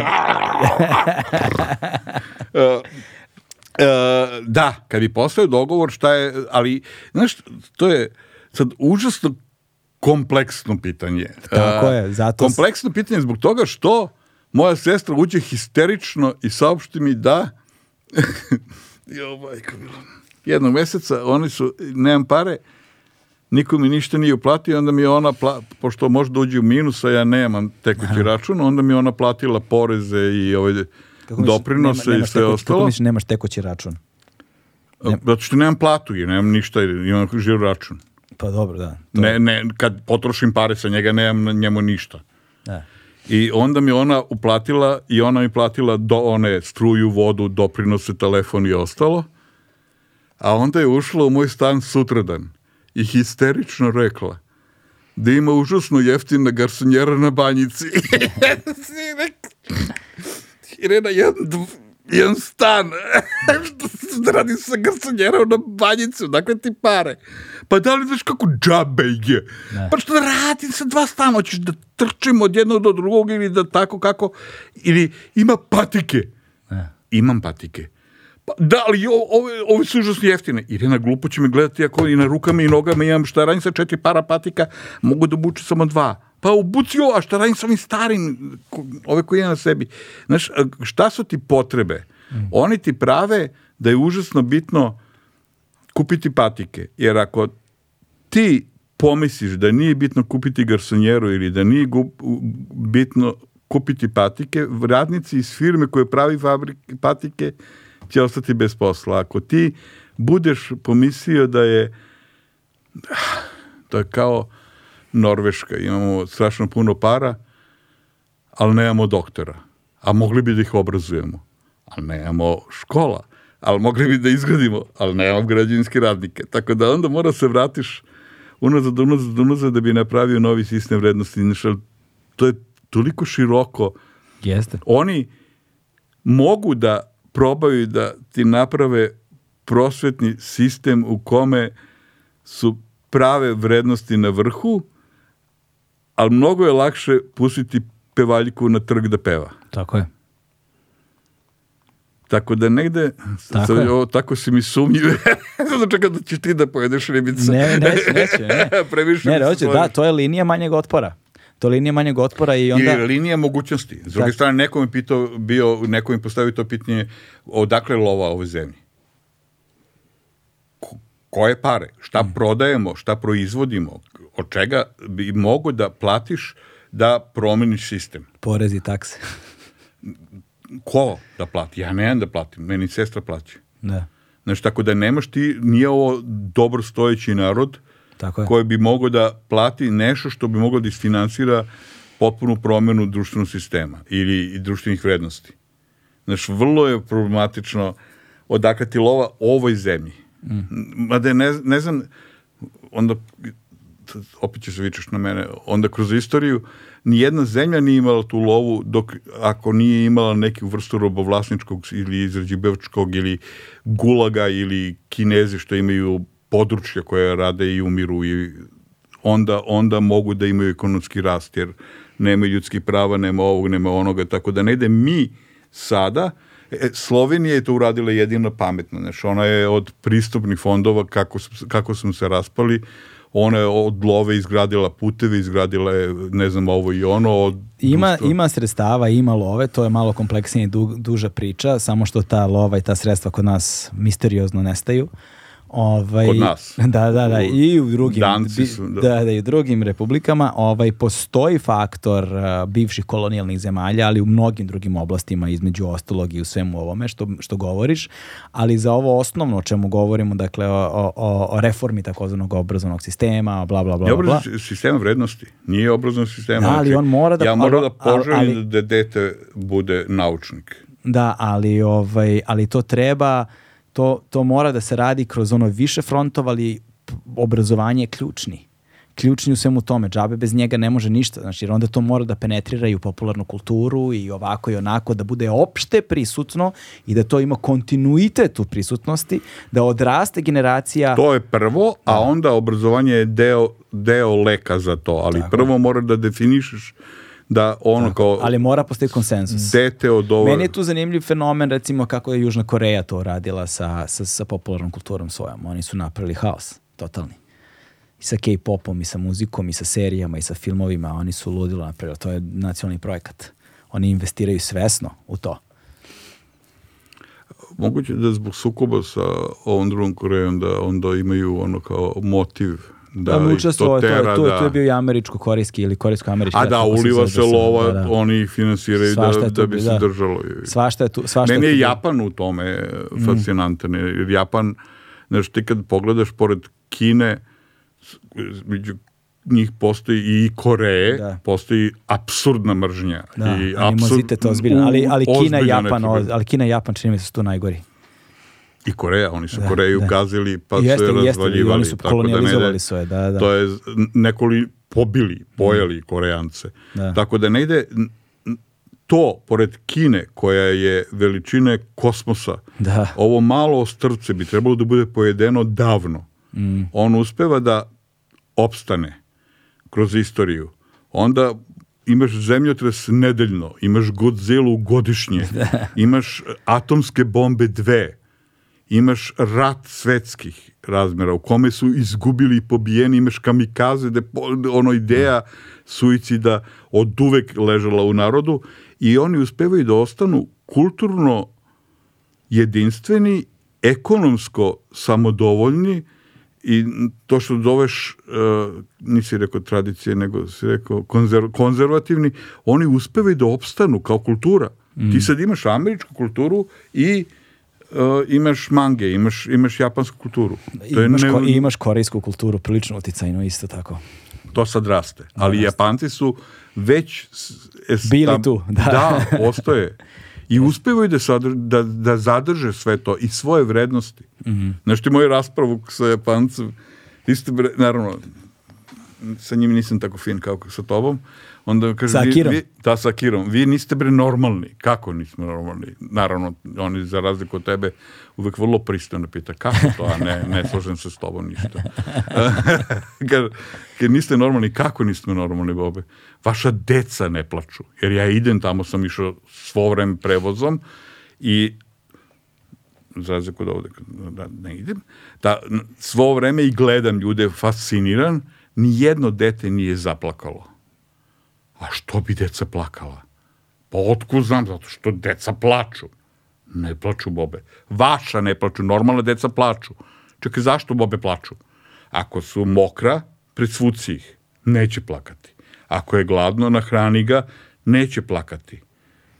Ako hoće nešto da mu kupiš, pa kupi mu, neće plakati. Pa znam, ako nemaš pare da mu kupiš, Pošto si ga doveo da gleda ono što ne možemo da kupiš, nema ga voditi tamo gde ne možemo priuštiš. Ako je onako tek besno, pa onda nikad dece nisu tek onako besne. Jesu, ja znam dete koje vrišti, mi pričamo, ono urla i baca stvari kroz kuću. Tantrumi, tako da. Zašto vi pričate, a dete je tu u kući? Ako je dete u kući, onda se baviš detetom. Ne možete vi da pričate, a dete, ono traži svoju pažnju. Ako ne može da mu pokloniš pažnju, što si ga pravio? Mm. Znači, kada je detetu, onda se baviš sa detetom. Ne možete vi da razgovarate ozbiljno, a dete šta da? Ćuti, smiri se, sedi, smiri se. Ne može da kaže detetu, sedi, da, smiri se. Da, ali paradoksalno u tome, oni su nacija sa najmanje dece. Šta? Oni su paradoksalno tome de, nacija sa najmanje dece. De, a, puno dece je povezano sa siromaštvom i neobrazovanjem. Da. Tako da negde uh, ovo je ono koliko mi treba i hendluješ. Koliko mogu da hendlujem, najvratnije. Da. Nešto i ovdje imam, imam 12 dece, ne znam što ću s ovim 15. -im. Pa dobro kupi televizor za početak. Mislim, jer, jer, U spavaći sobi. Znaš, on, Akira odmeri koliko deteta mo, može da hendluje u društvu, jer ako ima dvoje, nećemo nikad imati vremena za razgovor. Ovo jedno kad bude leglo spava, onda da. ćemo pričati. Da, ali okej, okay. Er, ra, ra, raz, razumem te, razumem te. Roditelji, ne roditelji. Da, da, da, da, da razumem te, ali ovaj, iskreno nemam pojma, nisam primetio, ovaj, nisam primetio Ekstremno puno, de, nisam primetio, za, za početak nisam primetio puno dece kad sam bio u Japanu. Ovaj, a, u, posebno per capita ono, u odnosu na broj stanovnika tamo. Ima ih puno. Uh, ima ih puno svugde, ja sam, pošto mi je to posao, da time bavio i gledao da, da. i video ih, a, oni imaju sistem, evo to ti tvoja škola. Znači, oni sami spremaju obroke. Mm. Oni sami raspremaju posle obroka, sami peru tanjire. Da, da, da. Znači, oni imaju kompletno ja, to sam socijalno... Vidio, to sam, da, to sam video, ali mi je fascinantno. Video sam decu u, u, u Tokiju i ono viš dete sad da procenim procenimo uzrast, odokativnom metodom, 3-4 godine, na primer, i otvara ovako, baca, ide baci flašicu đubre i onda otvara čep, ide u posebnu korpu, uh, ovaj, kako se zove? Sad, sad na, me nerviraš. Akira, ja ne bi da bacim flašu, što da radim s njom, jer nema ni ide kante za đubre. Ne. On kaže daj meni, ja ga gledam, a on vadi iz rančića na leđima, vadi kesu. Šta ti je to, Akira? Pa kesa za đubre. Čekaj, ti u rancu nosiš kesu za da. đubre. Da. Zašto? Zato što nema kante u Tokiju. Da, nema. Akira, zašto nemaš kante u Tokiju? bila je sekta Ašiko Sara ili tako nešto mm. se zove, koja je pre nekih 10-20 godina ili 15 godina uh, polurus, polujapanac odlučio da promeni svet tako što će izazvati svetsku krizu, izazvati svetsku krizu tako što će bacati sarin i pobiti hiljada japanaca u Tokiju. I oni su, pošto japanci bi prijavili da vide nešto na podu kao torbu ili nešto tako, oni su stavili sarin, bojni otrov, u kante za đubre u Tokiju, u metrou. I pobili hiljade ljudi. Sećam se toga, da. Čovjek samo, samo, ne znam, samo ne znam da je bilo u kantama za đubre, da. Da. To nisam znao. I, uklo, da. i gradonačelnik je uklonio kante za đubre. Da. I šta radite onda? Pa nosimo kese. Čekaj, svi nosite kesicu. Da bože, koliko ste vi ludaci. I onda dođemo kući, ja sam još uvijek pod utiskom da je ludak, ludak ispada veći ludak. Zato što vadi kesu i to što si ti počeo da pričaš, počinje da očeplj, vadi čep sa moje flašice i stavlja u jednu kesu, pa flašicu da stavit ćeš i u drugu kesu. Ne, pre toga uzme i počne da grebe. Da. I šta radi Šakira? Grebem. Šta grebe Šakira? Pa grebemo ovu etiketu. Zašto akira? Pa zato što je ovo čep je od jedne vrste plastike, da. telo je od druge vrste, a ovo je papir. Pa onda mora da ide u tre... Jo, Kira, jo, majko, mila, daj pričaj mi ljudskoj svesti, zašto, kakve veze ima, šta te briga, od čega i šta mu smeta ako uleti to papirče u ovu kesu sa plastikom. A on me uvoti za ruku i odvede na terasu 20 četvrtog sprata, na primjer, u kome živimo, stan mu je neuredniji od mog i prljavi i sve potpuno ništa od onog japanske što sam gledao samuraja njemu, nemo njemu i onda pokaže ovako, vidiš onaj deo tamo, onaj most. Da. da. E, odatle na ovamo je veštačko tlo od recikliranog materijala i moj soliter je napravljen na tom delu. On, on je stabilan, zavisi od kvaliteta tla koje je napravljeno od recikliranog materijala. Reciklirani materijal je kvalitetan toliko koliko ja pazim kad recikliram. Da. I zato mi je užasno stalo da odvojim i da to bude kvalitetno, jer toga ću jesti, tim ću jesti, sad u tome ću jesti i tako dalje. tako da, da, oni imaju taj generacijski princip razmišljanja. Pa imaju mozak. Da. ti bi to nazvao samo mozak. Da, mislim, imaju da, ideju da će biti sutra, ali to je mm. ono, ko, to je ono što nas čini ljudima, ono koje bit će posledica ako budemo... Jeste. Znaš, ovaj, e sad, a, kada, si pričao, kada smo pričali malo pre o tim lažima i istinama, Ovaj, što si lagao? da, što si lagao, što si lagao. Ima neka pesma, nešto što si lagao, nešto, ne mogu setiti, nije ni važno. Ovaj, a, internet fenomen neki, nešto što si lagao, ne mogu setiti šta je. Um, Uh, rekao si kako, na primjer, kada se voziš autobusom, i no, ako vidiš 47, ovaj, ako si rekao 47 putnika, to ti ništa ne znači. Ako si rekao milion putnika je bilo, ovaj, sve vrijeme razmišljam o tome da li se to na neki način, taj, taj na princip razmišljanja, oslikava na umetničko delo. Karikatura. Na karik pa to. Zato što, znaš šta mi je prvo palo na pamet? Prvo mi je na pamet pao Gogolj. Ovaj, jer on je imao te priče, ono, šinjel, nos, znaš, kao, Znači, posmatra čovjek, ali on zapravo karikaturno vidi na, nos, ili zato što neko ima veliki nos i, i ne znam šta sad ide sve uz karakterne osobine, kao njuškalo, ovakav, onako, ili šinjel, nekog čija je uniforma zapravo odraz određenog karaktera. Znaš, i ta vrsta augmentacije, ono, ta vrsta... E, duže je priča, ako uradiš fotku, vidim fotku tebe. Da. Ali to je trenutak, to je jedna sekundica, jedan del, nanosekunda u tvom životu. Da. I kad nekom pokažem, bio sam kod njega i tu karikaturu, e, tu, tu fotografiju, on će vidjeti nanosekundu, ništa neće dobiti iz toga. Da. Ali ako budem uradio šta ti radiš, kako radiš, čime se baviš, ko je bio od gosti, sve ovo sa jedenjem ribica, sa svim pre mene su bili ovo i ono, i ako sve to stavim, imaće kompletnu priču. Mm. Znači, ti dobiješ strašno puno od emocija, ima moja prijateljica Maca, ona, ona ima uh, tu teoriju o tome da se tačno videlo kad je mrzim, kad je, kad je volim. Znaš, kaže, mi da. radi, radi 11 godina smo radili zajedno i ona kaže, tačno znam kada, kad sam nešto pogrešila jer njegova karikatura mene, mi smo svake nelje radili i u Sačiju neku mm. petkovaču novinu i onda kao to šta se događalo te nedelje tačno vidim kad kako, kako me nacrto, da li sam uišao na nerve ili nisam, znaš, tačno se vidi emocija kroz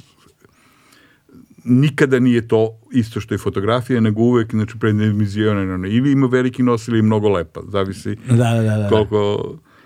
Da, da, to, je, to, mi je, to, mi je, to mi je strahovito zanimljivo i takođe me zanima kad već govorimo o tome, o tvom umetničkom postupku ovaj, i o tome što, znači, kontinuitetu rada kroz sve ove decenije unazad, ovaj, kako se tvoj pogled na sobstveno delo i na sobstveni princip rada menjao vremenom?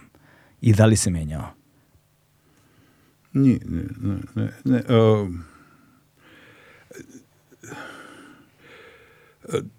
to je način razmišljanja. Mm. meni je to najsličnije, najvjerojatnije ne zna šta je ukrštenica. Naj, naj, najvjerojatnije... ne bi znao šta je ukrštenica?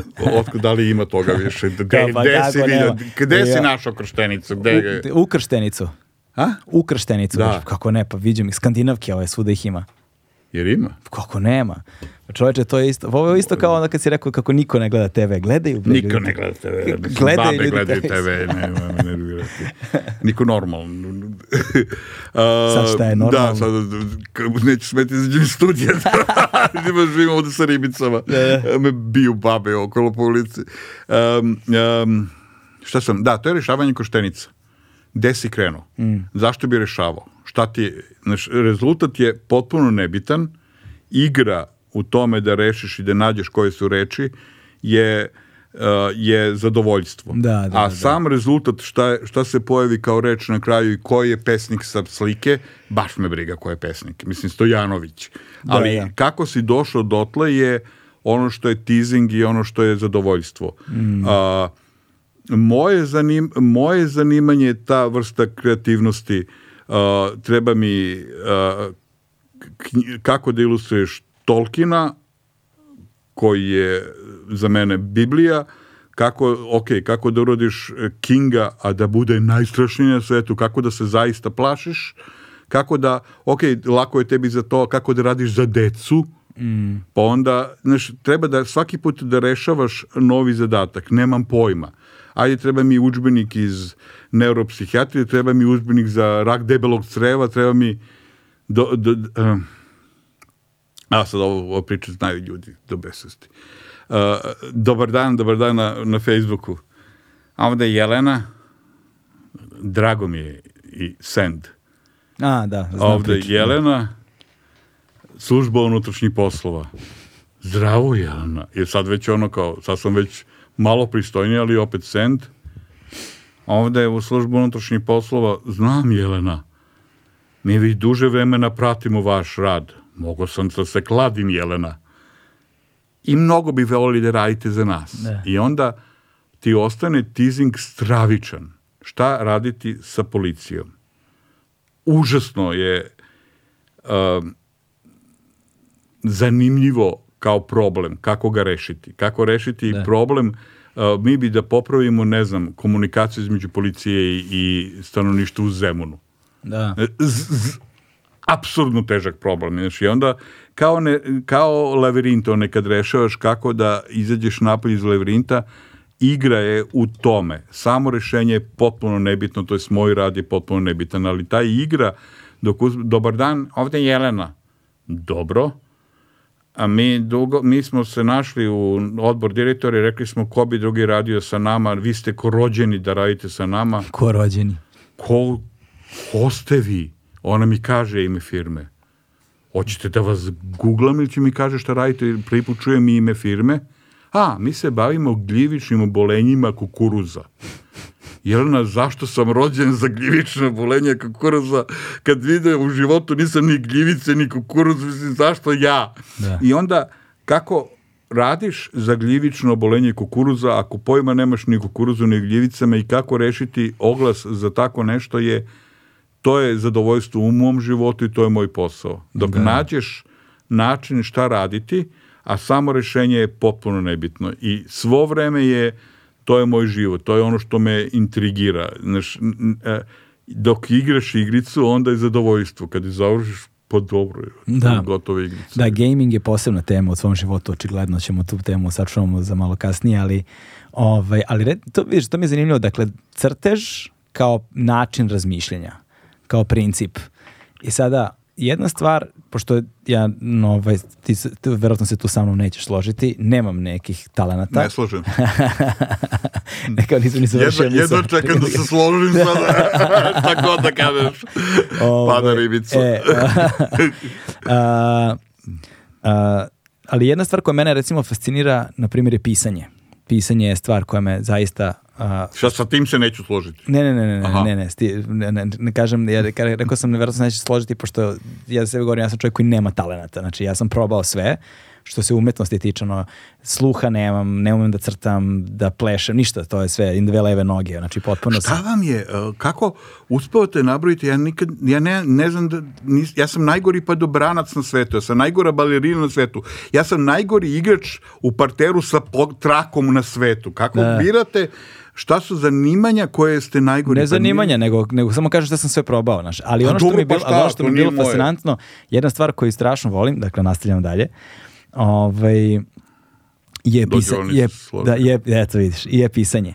I, ovaj, I jedna stvar koja mi je fascinantna kada čitam zaista dobre pisce, posebno mislioce velike, ne moraju nužno budu pisci, da li su filozofi, nije ni važno, ovaj, postoji ta je tako tačna, jasna artikulacija misli, ovaj, da ljudi koji umeju da zamisle nešto i onda to što im je tako neuhvatljivo, maglovito ili kako god i da to uspe da se formuliše, da se strukturira, strukturira tako da kada ga izvedu kao rečenicu na papiru ili na ekranu, svejedno, prenesu je bez gubitka.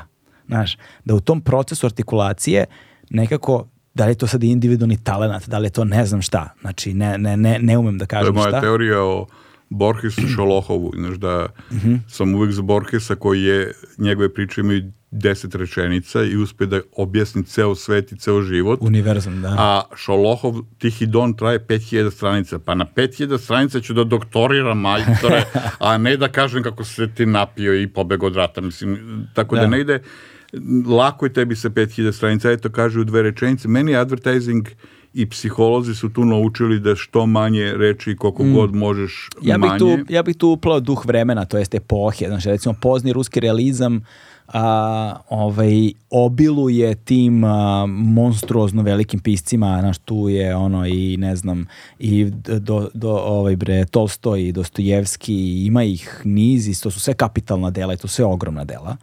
Ovaj, dok s druge strane Borges pripada postmodernizmu koji drugačije koncipira stvari. Pa ideolož... Pa dobro, ali evo ti si rekao da to voliš, da kad drugačije koncipira stvari. Tako je, znači da, da, ali, ali, ja, ali hoću da kažem da bez obzira što je 5000 strana i bez obzira što je Borges, ono ima kratke priče, i jedno i drugo mi je fascinantno. Jednako mi je fascinantno. Znaš, pošto... Pohvalio si da može da se sažme sve u jednoj rečenici. Ne da se sažme, nego da se jasno artikuliše da se jasno artikuliše, da... da, da, da, da Njemu da, treba 5000 stranica da jasno artikuliše. Nema ovo, veze, da je 10.000 stranica, ali hoću da kažem da od misli do, do, u proces, do procesu nastanka, a, a, recimo ja kada probam nešto da zapišem, ja nekako nešto zamislim i onda zapišem i onda pogledam to što je zapisano i užasno je u odnosu na to kako sam ja to zamislio. Razumeš? Zanima me vizualna reprezentacija toga, kada crtaš. U, uh, mi smo nismo išli tako daleko, ali smo ja i Jasminka u jednom trenutku formulisali zajedno šta je problem, jer kad mi kažeš je može da nacrtaš, da mogu, treba mi 15 minuta da uradim crtež.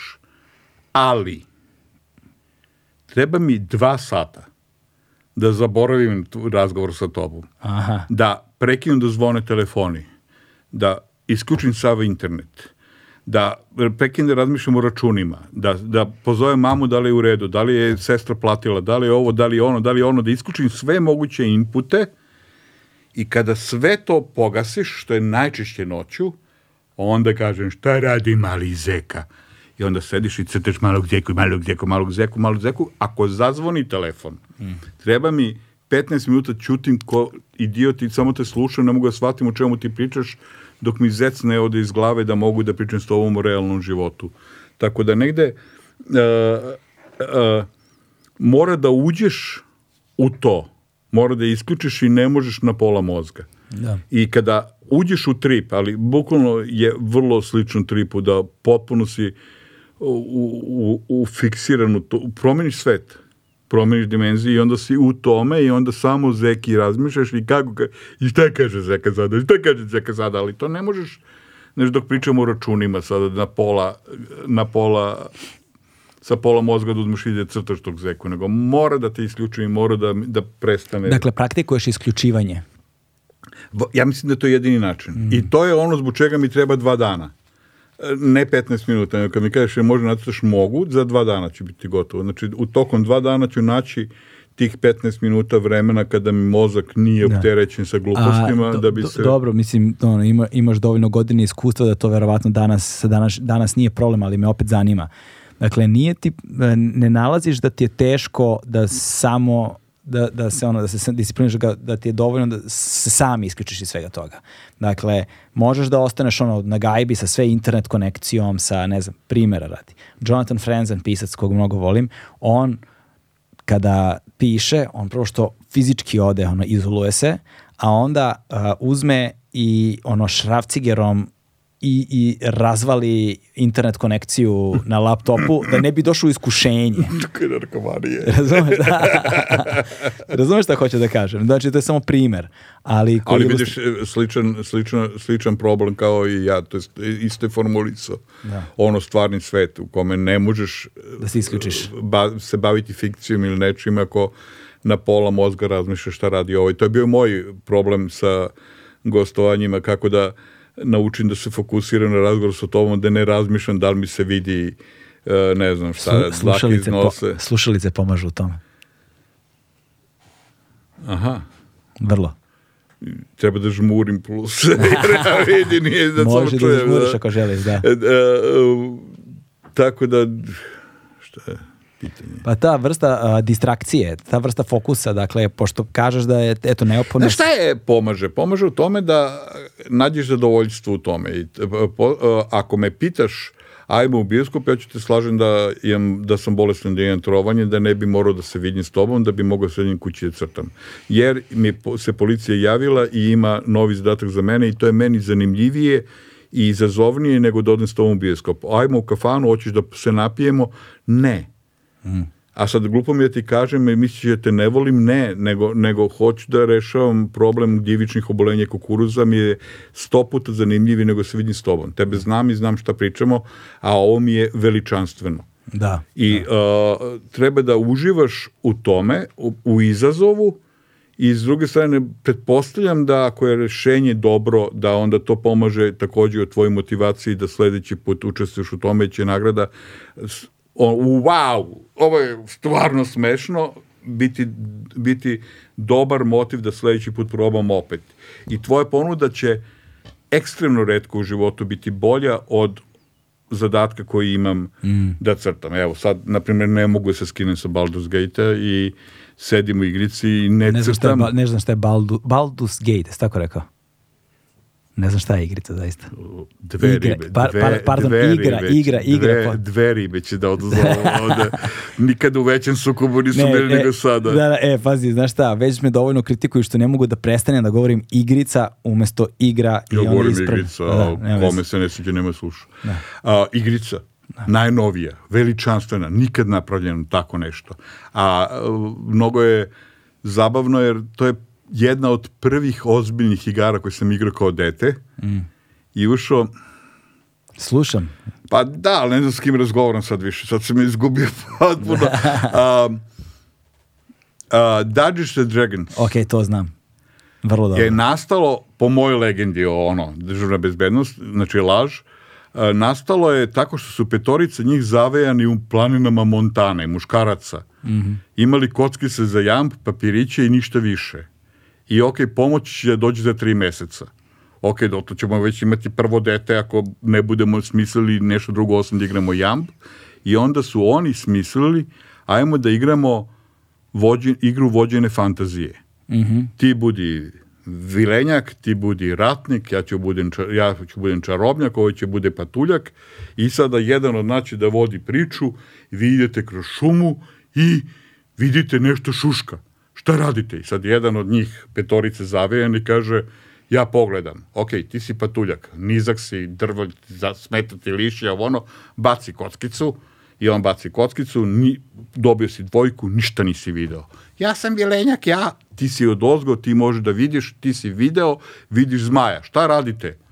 Ja sam ratnik, ja ću da trčim, baci kockicu, udario se zmaja, bao ti taj broj, zmaj ima kockicu, baca tri puta zmaj te rasturi od batina i tako počinje igra vođene fantazije. Faktički sede i to je tabletop igrice, to su prve velike igrice, prva velika industrija igara, o, koje se vode u tome da grupa ljudi baca kockice, ima svoje alter ego. Ja, mi u Sači smo igrali tri godine jednu avanturu. Mm. I ja sam teo da raskinem kumstvo, što je kuma me ubila, ja sam bio gnom koji se zvao Eržika i ona je bacila munju na mene, da spandirao nekog jelena i onda i Sakar ulazi unutra da li je gotov projekat za robne kuće Beograd, na primjer, i tako nešto, a ja zapenio na nju i ti si pucala na mene, ti si ona, ako čujem još jedan put da bilo kakvu Eržiku i bilo kakve gnomove, svi dobijete otkaz se okreativni sektor E, i u vreme prvi kompjutera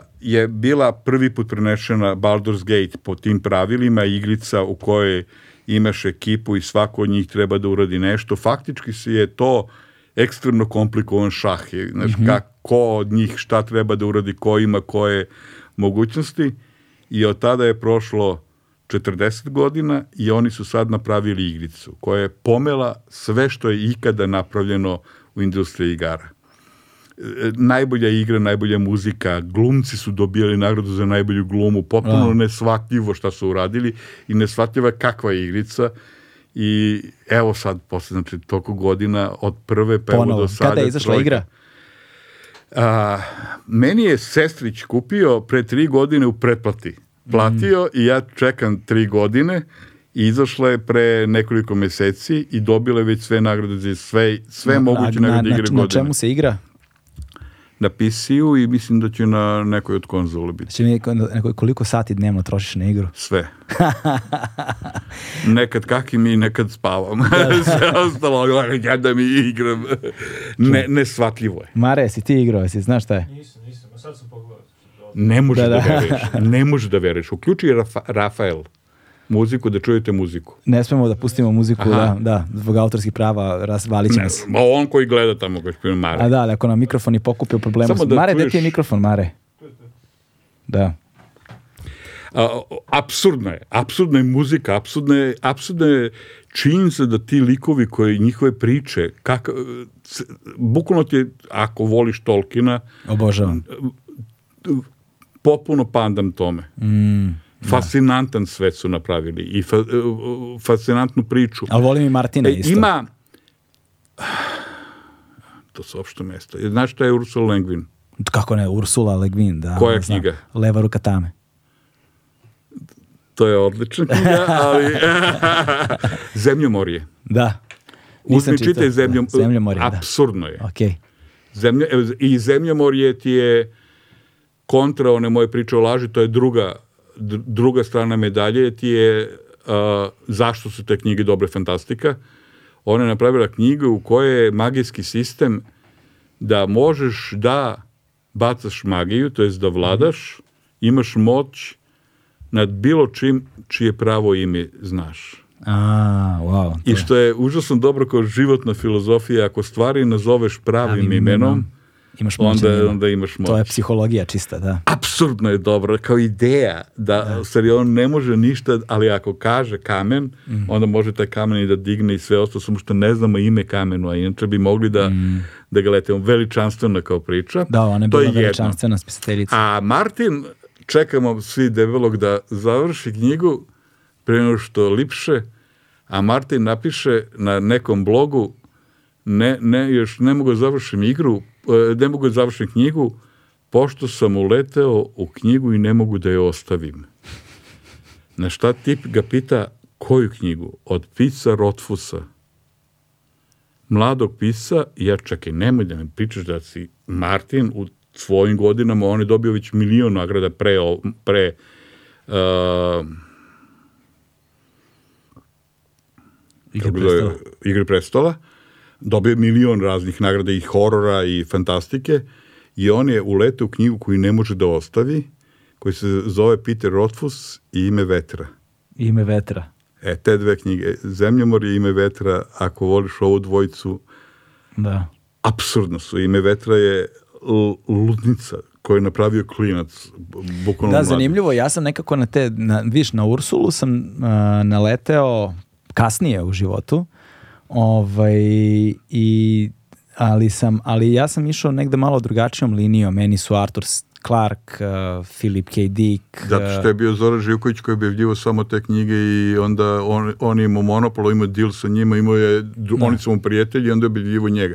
I do Bobana da, pa, Kneževića. Da, Polaris je bio njegov, a pre toga je bio urednik u Kentauru. Da. Ali to je, ali, a onda zna, ali znak sa Gite. Knežević sa znakom Kinite. Znak on je čovjek koji gazi po go, da, da, da, da, sa mnom, znak sa Gite koja je moj, da, to da, da. znaš? Da, da, znam, znam, znam. znam. I monoliti i onda da. u, sa zelaznijem i sa da, silibrdom. Da, imam ja ovde znakova sa gite dosta, sad ne mogu da, morali bismo malo da, imam, imam da. dosta naslova i, iz tog izdanja. Iz... On, on je prvi koji se, koji se da. Uh, Bio sam napravio... ja član na forumu tamo, znaš, jo, to je tek bila. Jesi dolazi u Lazar Komčić? e, nisam, ali Boban da. mi je blokiran svugde, tako da negde svugde, ne, ne postoji način, da, presek, prvo sam u životu ga blokirao, onda svugde, ali da. u principu Filipu je uradio apsurdnu stvar za uvođenje fantastike da da vidiš to, da postoji e. i onda su to bili dakle ar, ar, znači ali opet a, Filipa K. Dika sam preko znaka sa Gite do duše otkrivao a, pa šta do duše da jer ova ima pa, da. troje pisaca Clarka uh, Hermana i ali svašta nešto sam ja tu imao dobra Simova a, ja Simova da. znaš, da. onda ali bio je ovaj ali sam, ali sam isto tako otkrivao gomilu drugih... Uh, Odličite kapiju. Uh, bas, Bol. Da, e, ovaj, sad pokušavam da nađem šta, šta se tu ima, ali bili su mi i naravno i dobro ovaj, Stanislav Lem i ovaj, braća Strugacki. No, smaraj. ja to volim, znaš, ja to, ja to baš, meni Stanislav Lem možda najveća. Ne, meni treba da meni treba da otvori usta, ono, kao da zapanjim se, wow. Ali neverovatna stvar je, recimo, mene. Tolkienom sam se upoznao ono u osnovnoj školi, otprilike.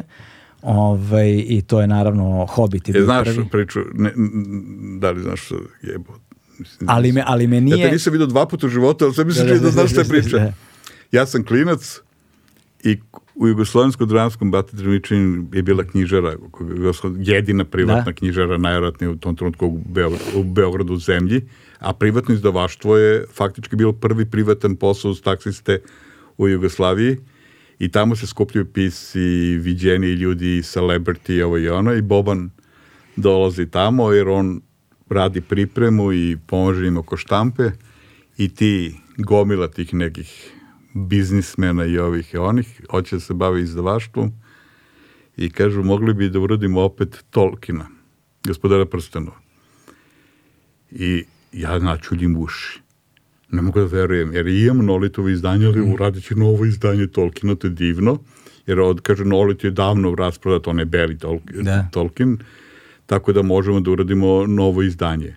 Jau, divno. Na šta, jedan od njih, na Bata, da li ko je bio od njih, se okreće prema meni. Ej ti mali debeli, da, hoćeš da ga ilustruješ? da. da. I ja kad mi je to rekao, to mali, mali nisam nikako, debeo jesam, a u tom trenutku sam već odrastao, kada je to bilo izdanje. Znači, ja sam imao 20 kusur godina. Znači, 80 znači, neka. Muškarac. Da. Ja sam stajao i kad se on meni obratio, ej ti mali debeli, hoćeš da ga ilustruješ, mali misleći valjda na godine. Ja sam počeo da plačem, ali ne da suze, nego su mi ovako štrcalo mi voda. Nije ne. Da. išla ni iz lice, nego samo pod pritiskom je štrcnula napolje od tenzije. Najratnije bi danas dobio infart u tom slučaju. U onom trenutku samo sam počeo da piškim na oči od šoka. Ne mogu da verujem da je to neko meni rekao. Na šta iz, gomila iz bezumljenih ljudi me gleda šta radim, ja počnem da plačem i okrenu se prema Bobanu koji me doveo, na šta Boban kaže – Nije to ništa, on tako reaguje, on idiot. E, kaže on.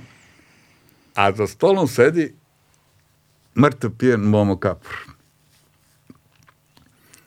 I kaže, Tolkien je glupost za decu. Sad, to je otprilike kao da si u sred crkve opsovo.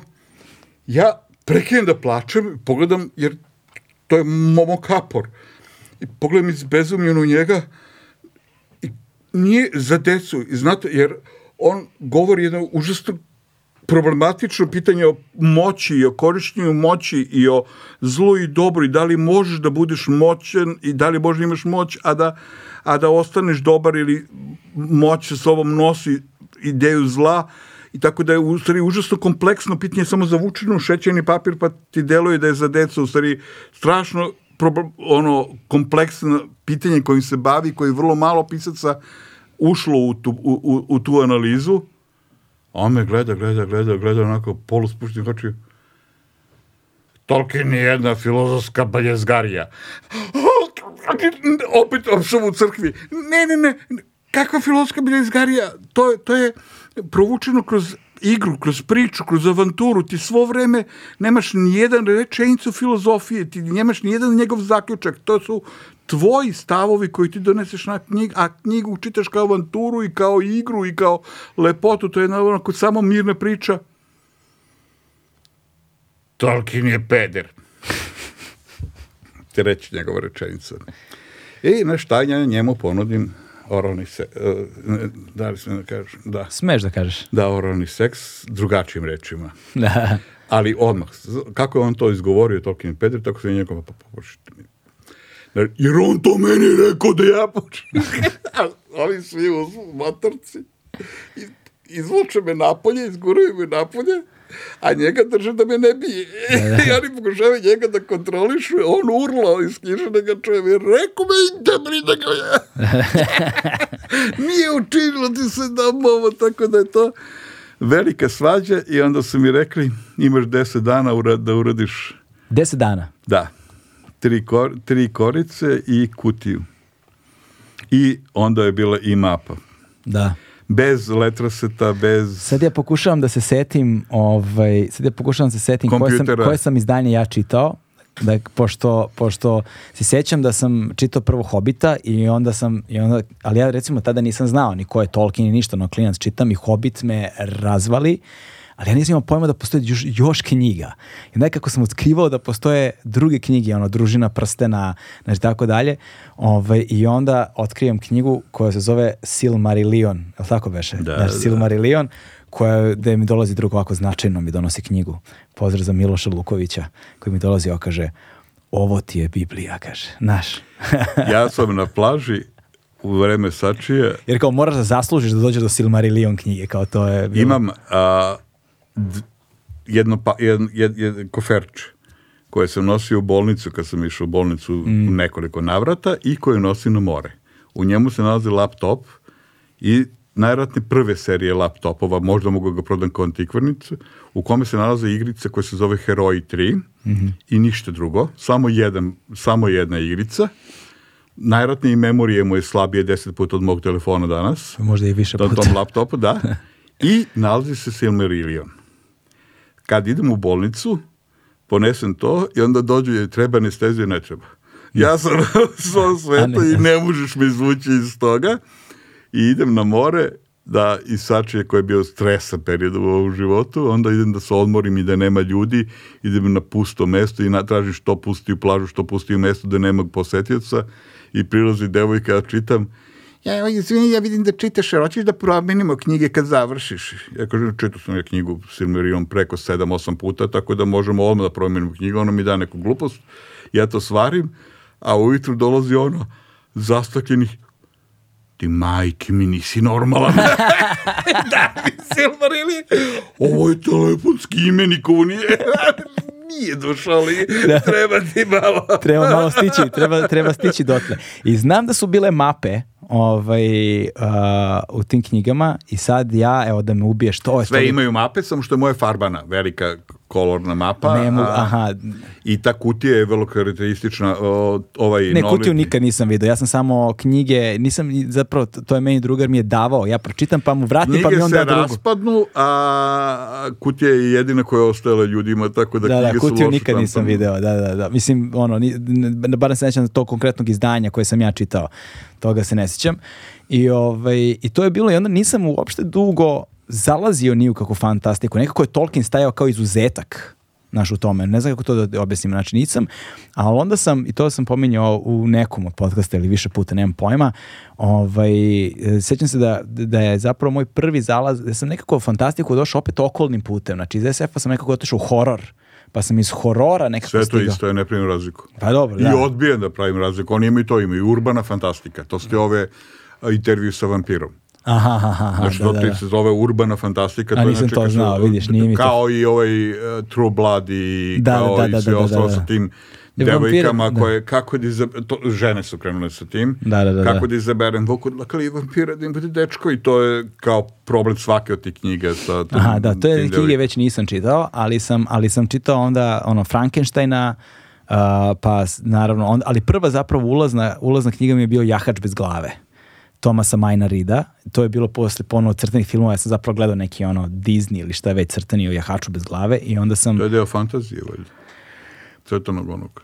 Uh, Pa, Jedan da od omnibus priča. Pa da, da, da. E, i, ovaj, i, onda sam, I onda sam pronašao knjigu Jahača bez glave i to je, to je prvi neki ono horor s kojim sam se ja susreo na taj način i, ovaj, i onda sam ušao pa je nevidljivi čovek bio, pa ne znam šta sve i onda sam polako... Ti si kroz istoriju išao. pa da, ali tako je bilo. Ali ja sam te knjige uzimao tada u školskoj biblioteci. To je bilo... Nima, ima Boban sa znakom Sigita, on ima tu, na primjer, umerenje iznutra. Mm. I, i a, a ja dotad sam čitao te klasike koje mi tata tuku da čitam, e, a, onda se pojavio Boban sa fantastikom i onda sam počeo da, a onda shvatim koja je moć. Umiranje iznutra je knjiga o tome da čovek dobije mogućnost telepatije, čita tuđe misli. Mm. I ostatak je horor. Da, jer da, ti faktički da. ne možeš da živiš među ljudima ako, zna, da. ako možeš da čitaš njihove misle. Da, da. I, cel, I onda se samo zamisliš, jer prvo ono koji imam super moć da čita misle, u majku, milo, nadrljao sam, znaš, tako da onda krene, krenu sa tom idejama i world buildingzima i svaki put sam oko fasciniran oko toga šta je postavka, kako su zamislili svet. Da. A, Rotfus, ime vetra, najveći sukob – u knjizi je u frulama. Ko bolje svira frulicu? A ja sam bacao knjigu i onda sam išao kroz sobu, onda sam zvao telefonu prevodioca da mi brzo kaže ko je pobedio, jer ja ne mogu da izdržim da će infart i ne mogu više pijem sve tebe zbog tebe i tvoje knjige. Kada ne to koji svira frulicu bolje, ja počinjem da padam u nesec. Zamisli kako, kakav da. je svet napravio od toga, tako da veli, veličanstvenih ima knjiga. Taj da kapija ti je može da stane da, Martinu ja sad gledam, da li mi je tu negdje, jedna od najveličanstvenijih knjiga kada govorimo o, o, o, o veličini zamišljenih svetova mi je bila, ne znam zašto ta knjiga nije komercijalnije poznata, Plamen nad ponorom Vernona Vinđa to je ono izuzetna to je... sad je zadužbina Simova ti serije koja mi se da. ne dopada mm. Da, da, da, to je, ali Vernon Winch, Plamenat ponorom, to je jedna od knjiga koja ima taj neki monstruozno velike zamišljene univerzume. Pokazati Nisam posle da mislio gledam... na velike univerzume, nego na velike ideje koje stoje iza svega to, toga. Da, da, da. Ova zadužbina sa tim da se o, da može da se predvidim ta priča o masi ili mm. jednog pojedincu i da je fokus mnogo drugačiji je ideja zadužbine i onda ta igra sa tim da ne. soc psihologije. Ali zanimljivo je ta zavod, za, zavodnička uh, struktura uh, fantastike, naučne fantastike ili čega god uopšteno ovaj, celog tog jednog spektra a, uh, književnih dela je u tome što vrlo lako i zavodljivo te uvuče, ima taj konspirativni odnos gde kada se dete, kada se klinac, barem kada sam se ja prvi put susretao sa njima, jeste što čitaš ih ono naivno dečije, uletiš u taj uzbudljivi svet Ovaj, a onda vremenom kako odrastaš počinješ da otkrivaš Da postoji poruka iza. Da postoji poruka iza, znaš, ali te je opčinio taj svet i zarobio te je i zapravo počinje da shvataš da sve ovo stoji kao motiv za pričanje nekih drugih priča i otvaranje nekih drugih tema. Kada govorim eh, pisima, eh, novim pisima ili klincima koji počinju ovde sa decom, mm. je šta pišeš i zašto pišeš, pre nego što poče pišeš. Da. Šta, šta je razlog, šta hoćeš da kažeš tom knjigom? Ti moraš da imaš ono kao poruku. Uh, unapred određeno, pa onda nađi kojim ćeš rečima da to kažeš, ali ti mora da imaš razlog šta je priča. Mm. Imamo, priča je, moć je besmislena i ne možeš je koristiti, je sada ok, daj mi dva hobita. U da. rupi pod zemljom živo je hobit. Da, da. I da. krenimo. Znaš, ali on je već osmislio kraj i već zna šta hoće da kaže. Sad kako da. će to da kaže, potpuno nebitno. Da li, u, da, da li na isti način ti razmišljaš kada crtaš? Da. Šta je moj stav? Mm. I A... ima užasno puno toga. Da, u zabavniku je to bilo, pošto je to mnogo bilo materijala, onda je bilo, oni kažu, igrice kvare decu. Da, da, da. I onda, znaš, ja samo pomislim, jeste, tata je u, u borbi, mama je u pevaljka, u ono, a igrice, igrice kvarec, su kve, da. krive, znaš, kad igra Tetris, tako da samo to da mu ne daš, sve ostalo je ok, super. U vreme 90-ih, znaš, da, kad sam da. radio. Da, ali, ali kako, stvari stoje danas, kada sediš i kada radiš? Isto, evo, ti mm. sad imam ogroman problem, treba da uradim za kalendar i treba prenesem 12 poruka sa mačkom. Mm 12, hoću da uradim 12 motiva mačke, super, znam i kako se crta mačka, ali kako da ova bude drugačija kako da ovo mm. ima razloga da... A šta je da- tema? budi kao mačka, budi pametan kao mačka, Ne, pa šta su da. mače mudrosti. E sad, imaš 12, izvuku sam toga šta su to prednosti kad razmišljaš kao mačka, ali, o- ali e, nek se zna ko je gazda u kući ili ne znam šta. Da, da. A onda sad kako od toga napraviti da to bude smešno i kako raditi motiv da bude drugačije, da ima razloga što si to crtao, tako da... Da, da, da, da. Znaš, recimo sad zamišljam to kao, na primjer, recimo radi se kalendar, 12 crteža, uh, kao um, a, imaš dve ono smernice. Jedna je recimo, ne znam, mentalno zdravlje, a druga je da na svakom bude po jedna mačka. I onda recimo kako bi osmišljavao 12 crteža mačke da bude kroz ono, ne znam, svakog meseca po jedna priča.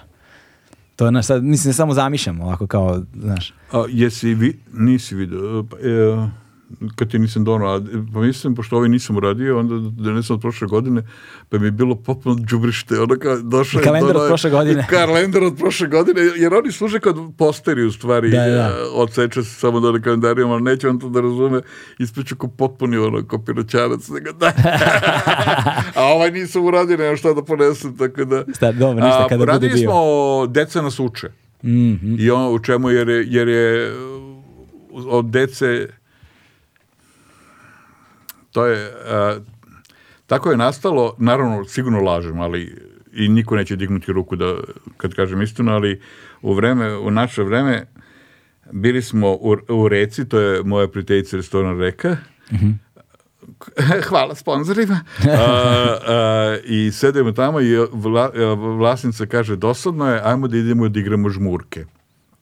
I odemo na Gardoš i igramo celu noć, odrasli ljudi se krijemo i igramo žmurke. Mm -hmm dok nismo u nekom trutku shvatili da će nas neko upuca ako nas bude vidio, niko neće provali da ovolika konjina se igra žmurke, a ne pokušava da opljačka kola ili da otkine avospuh. I onda je nastalo prvo vreme uživanja u časopisu Vreme, koje je navradila Nadežda Milenković i zvalo se Žmurke. Mm. I počinjalo je tako nekako sa ono kao dolaze ratovi, to je bilo znači pre 90-ih, dolaze ratovi, Ajde slušajte decu, deca nas uče. U igri je važno, imaš lovca, imaš nas koji se krijemo i ubijeće nas jednog po jednog. Mm. I jedan po jedan će da bude ulovljen. Lovac će da lovi. Užasno je važno da bar jedan ostane. Da može da priđe i da kaže puj spas za sve nas. Da daj nek neko ostane čovek u svemu tome da može da proširi drugu priču i tako se zvalo žmurke sa tom porukom po poispaz za sve nas da je to strašno važno da, osta, da, da bude preživelih ljudi e, u, u svemu da. ovome što nas čeka i prošle godine je bilo to pa su iz Hrvatske tražili da li može da se tamo objavi deca nas uče i poslaću ti to, ne mogu da ti pošaljem, mogu da ti pošaljem. Možda mi pošalješ, da, može, može. Divno. Da, da. da, i ovaj, još jedna stvar, evo, stižemo polako, stigli smo već do kraja, prošlo je dosta vremena, a vidiš, plašio si se. A, pa ubili smo tri sata sigurno, a? Ja sam rekao, bit će sat vremena, rekao sam sestri da dođe kod mene. Neću ja duže od sat vremena, znam te Bobane, neće. ovaj, simbioza između a, pisca i ilustratora ili crtača. To je, ver, verujem, vrlo zanimljiv odnos. Ovaj, I možda ne previše jednostavan. Ovaj, treba se prilagoditi uzajamno, treba se negdje razumeti na više nivoa. Znaš, koliko, koliko, znaš, koliko ti je lako ili teško, sve u zavisnosti, pretpostavljam, da nalazi, nalaziš, nalaziš na zajednički jezik kada treba da se ilustruje tekst Koga ili kada tekst... Koga to? To je sada daleko za upotrebu ilustratora, to, to je jedino po školama da puštaju tamo onim umetničkim. A imaš tri moguće pristupa. Mm -hmm.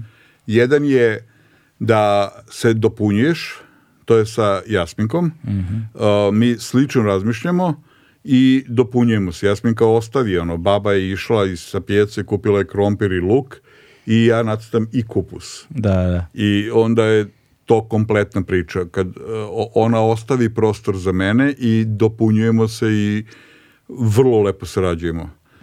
Postao je gomila ti priče kao ova priča iz zabavnika igrice kvare decu, onda ja nacrtam ovo sa tatom ratnikom i mamom u, u halterima i dete koji igra Tetris, jeste, ti će da mi kažeš, znači postoji mogućnost da se svađaš sa autorom i da uradiš kontru i da trčeš mimo njega, e, prilično blizu je bilo Nacionalni park Srbija, on, on je pisao jedno, ja onda napišem nešto, ja nacrtam nešto drugo pored a, toga. A koliko to oni umeju da pročitaju i koliko nalaziš često na razumevanje ukoliko umeju da pročitaju? U, ovo za zabavnik me baš bilo briga, a u principu kako ti kažem, ko mislim, e, e, bilo je problema sa nacionalnim parkom, zato je prest, smo prestali, ali on je imao primetbu da bi ja da promenim to i to na crtežu, ja sam rekao, nije to ništa, imam ja užasno puno primjedbi kako treba da promeniš u tekstu.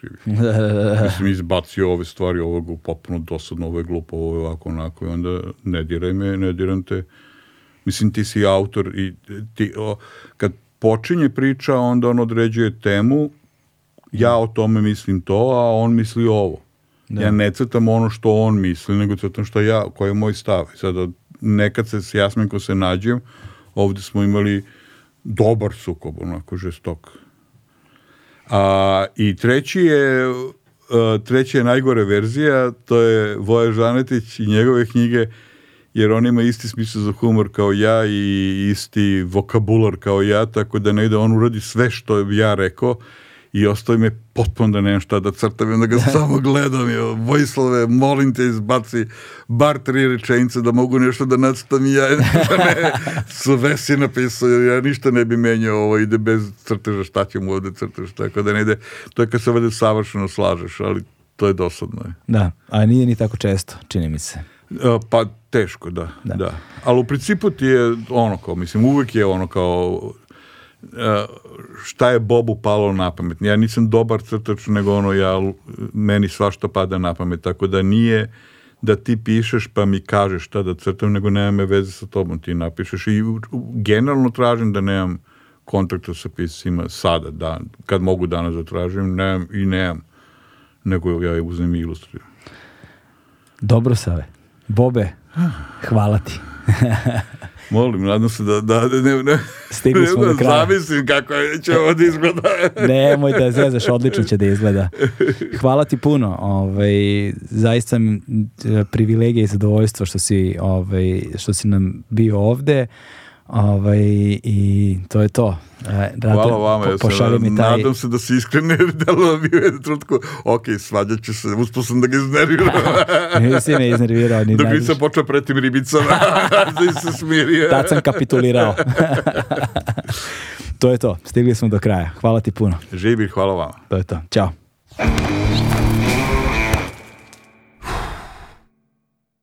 Hmm.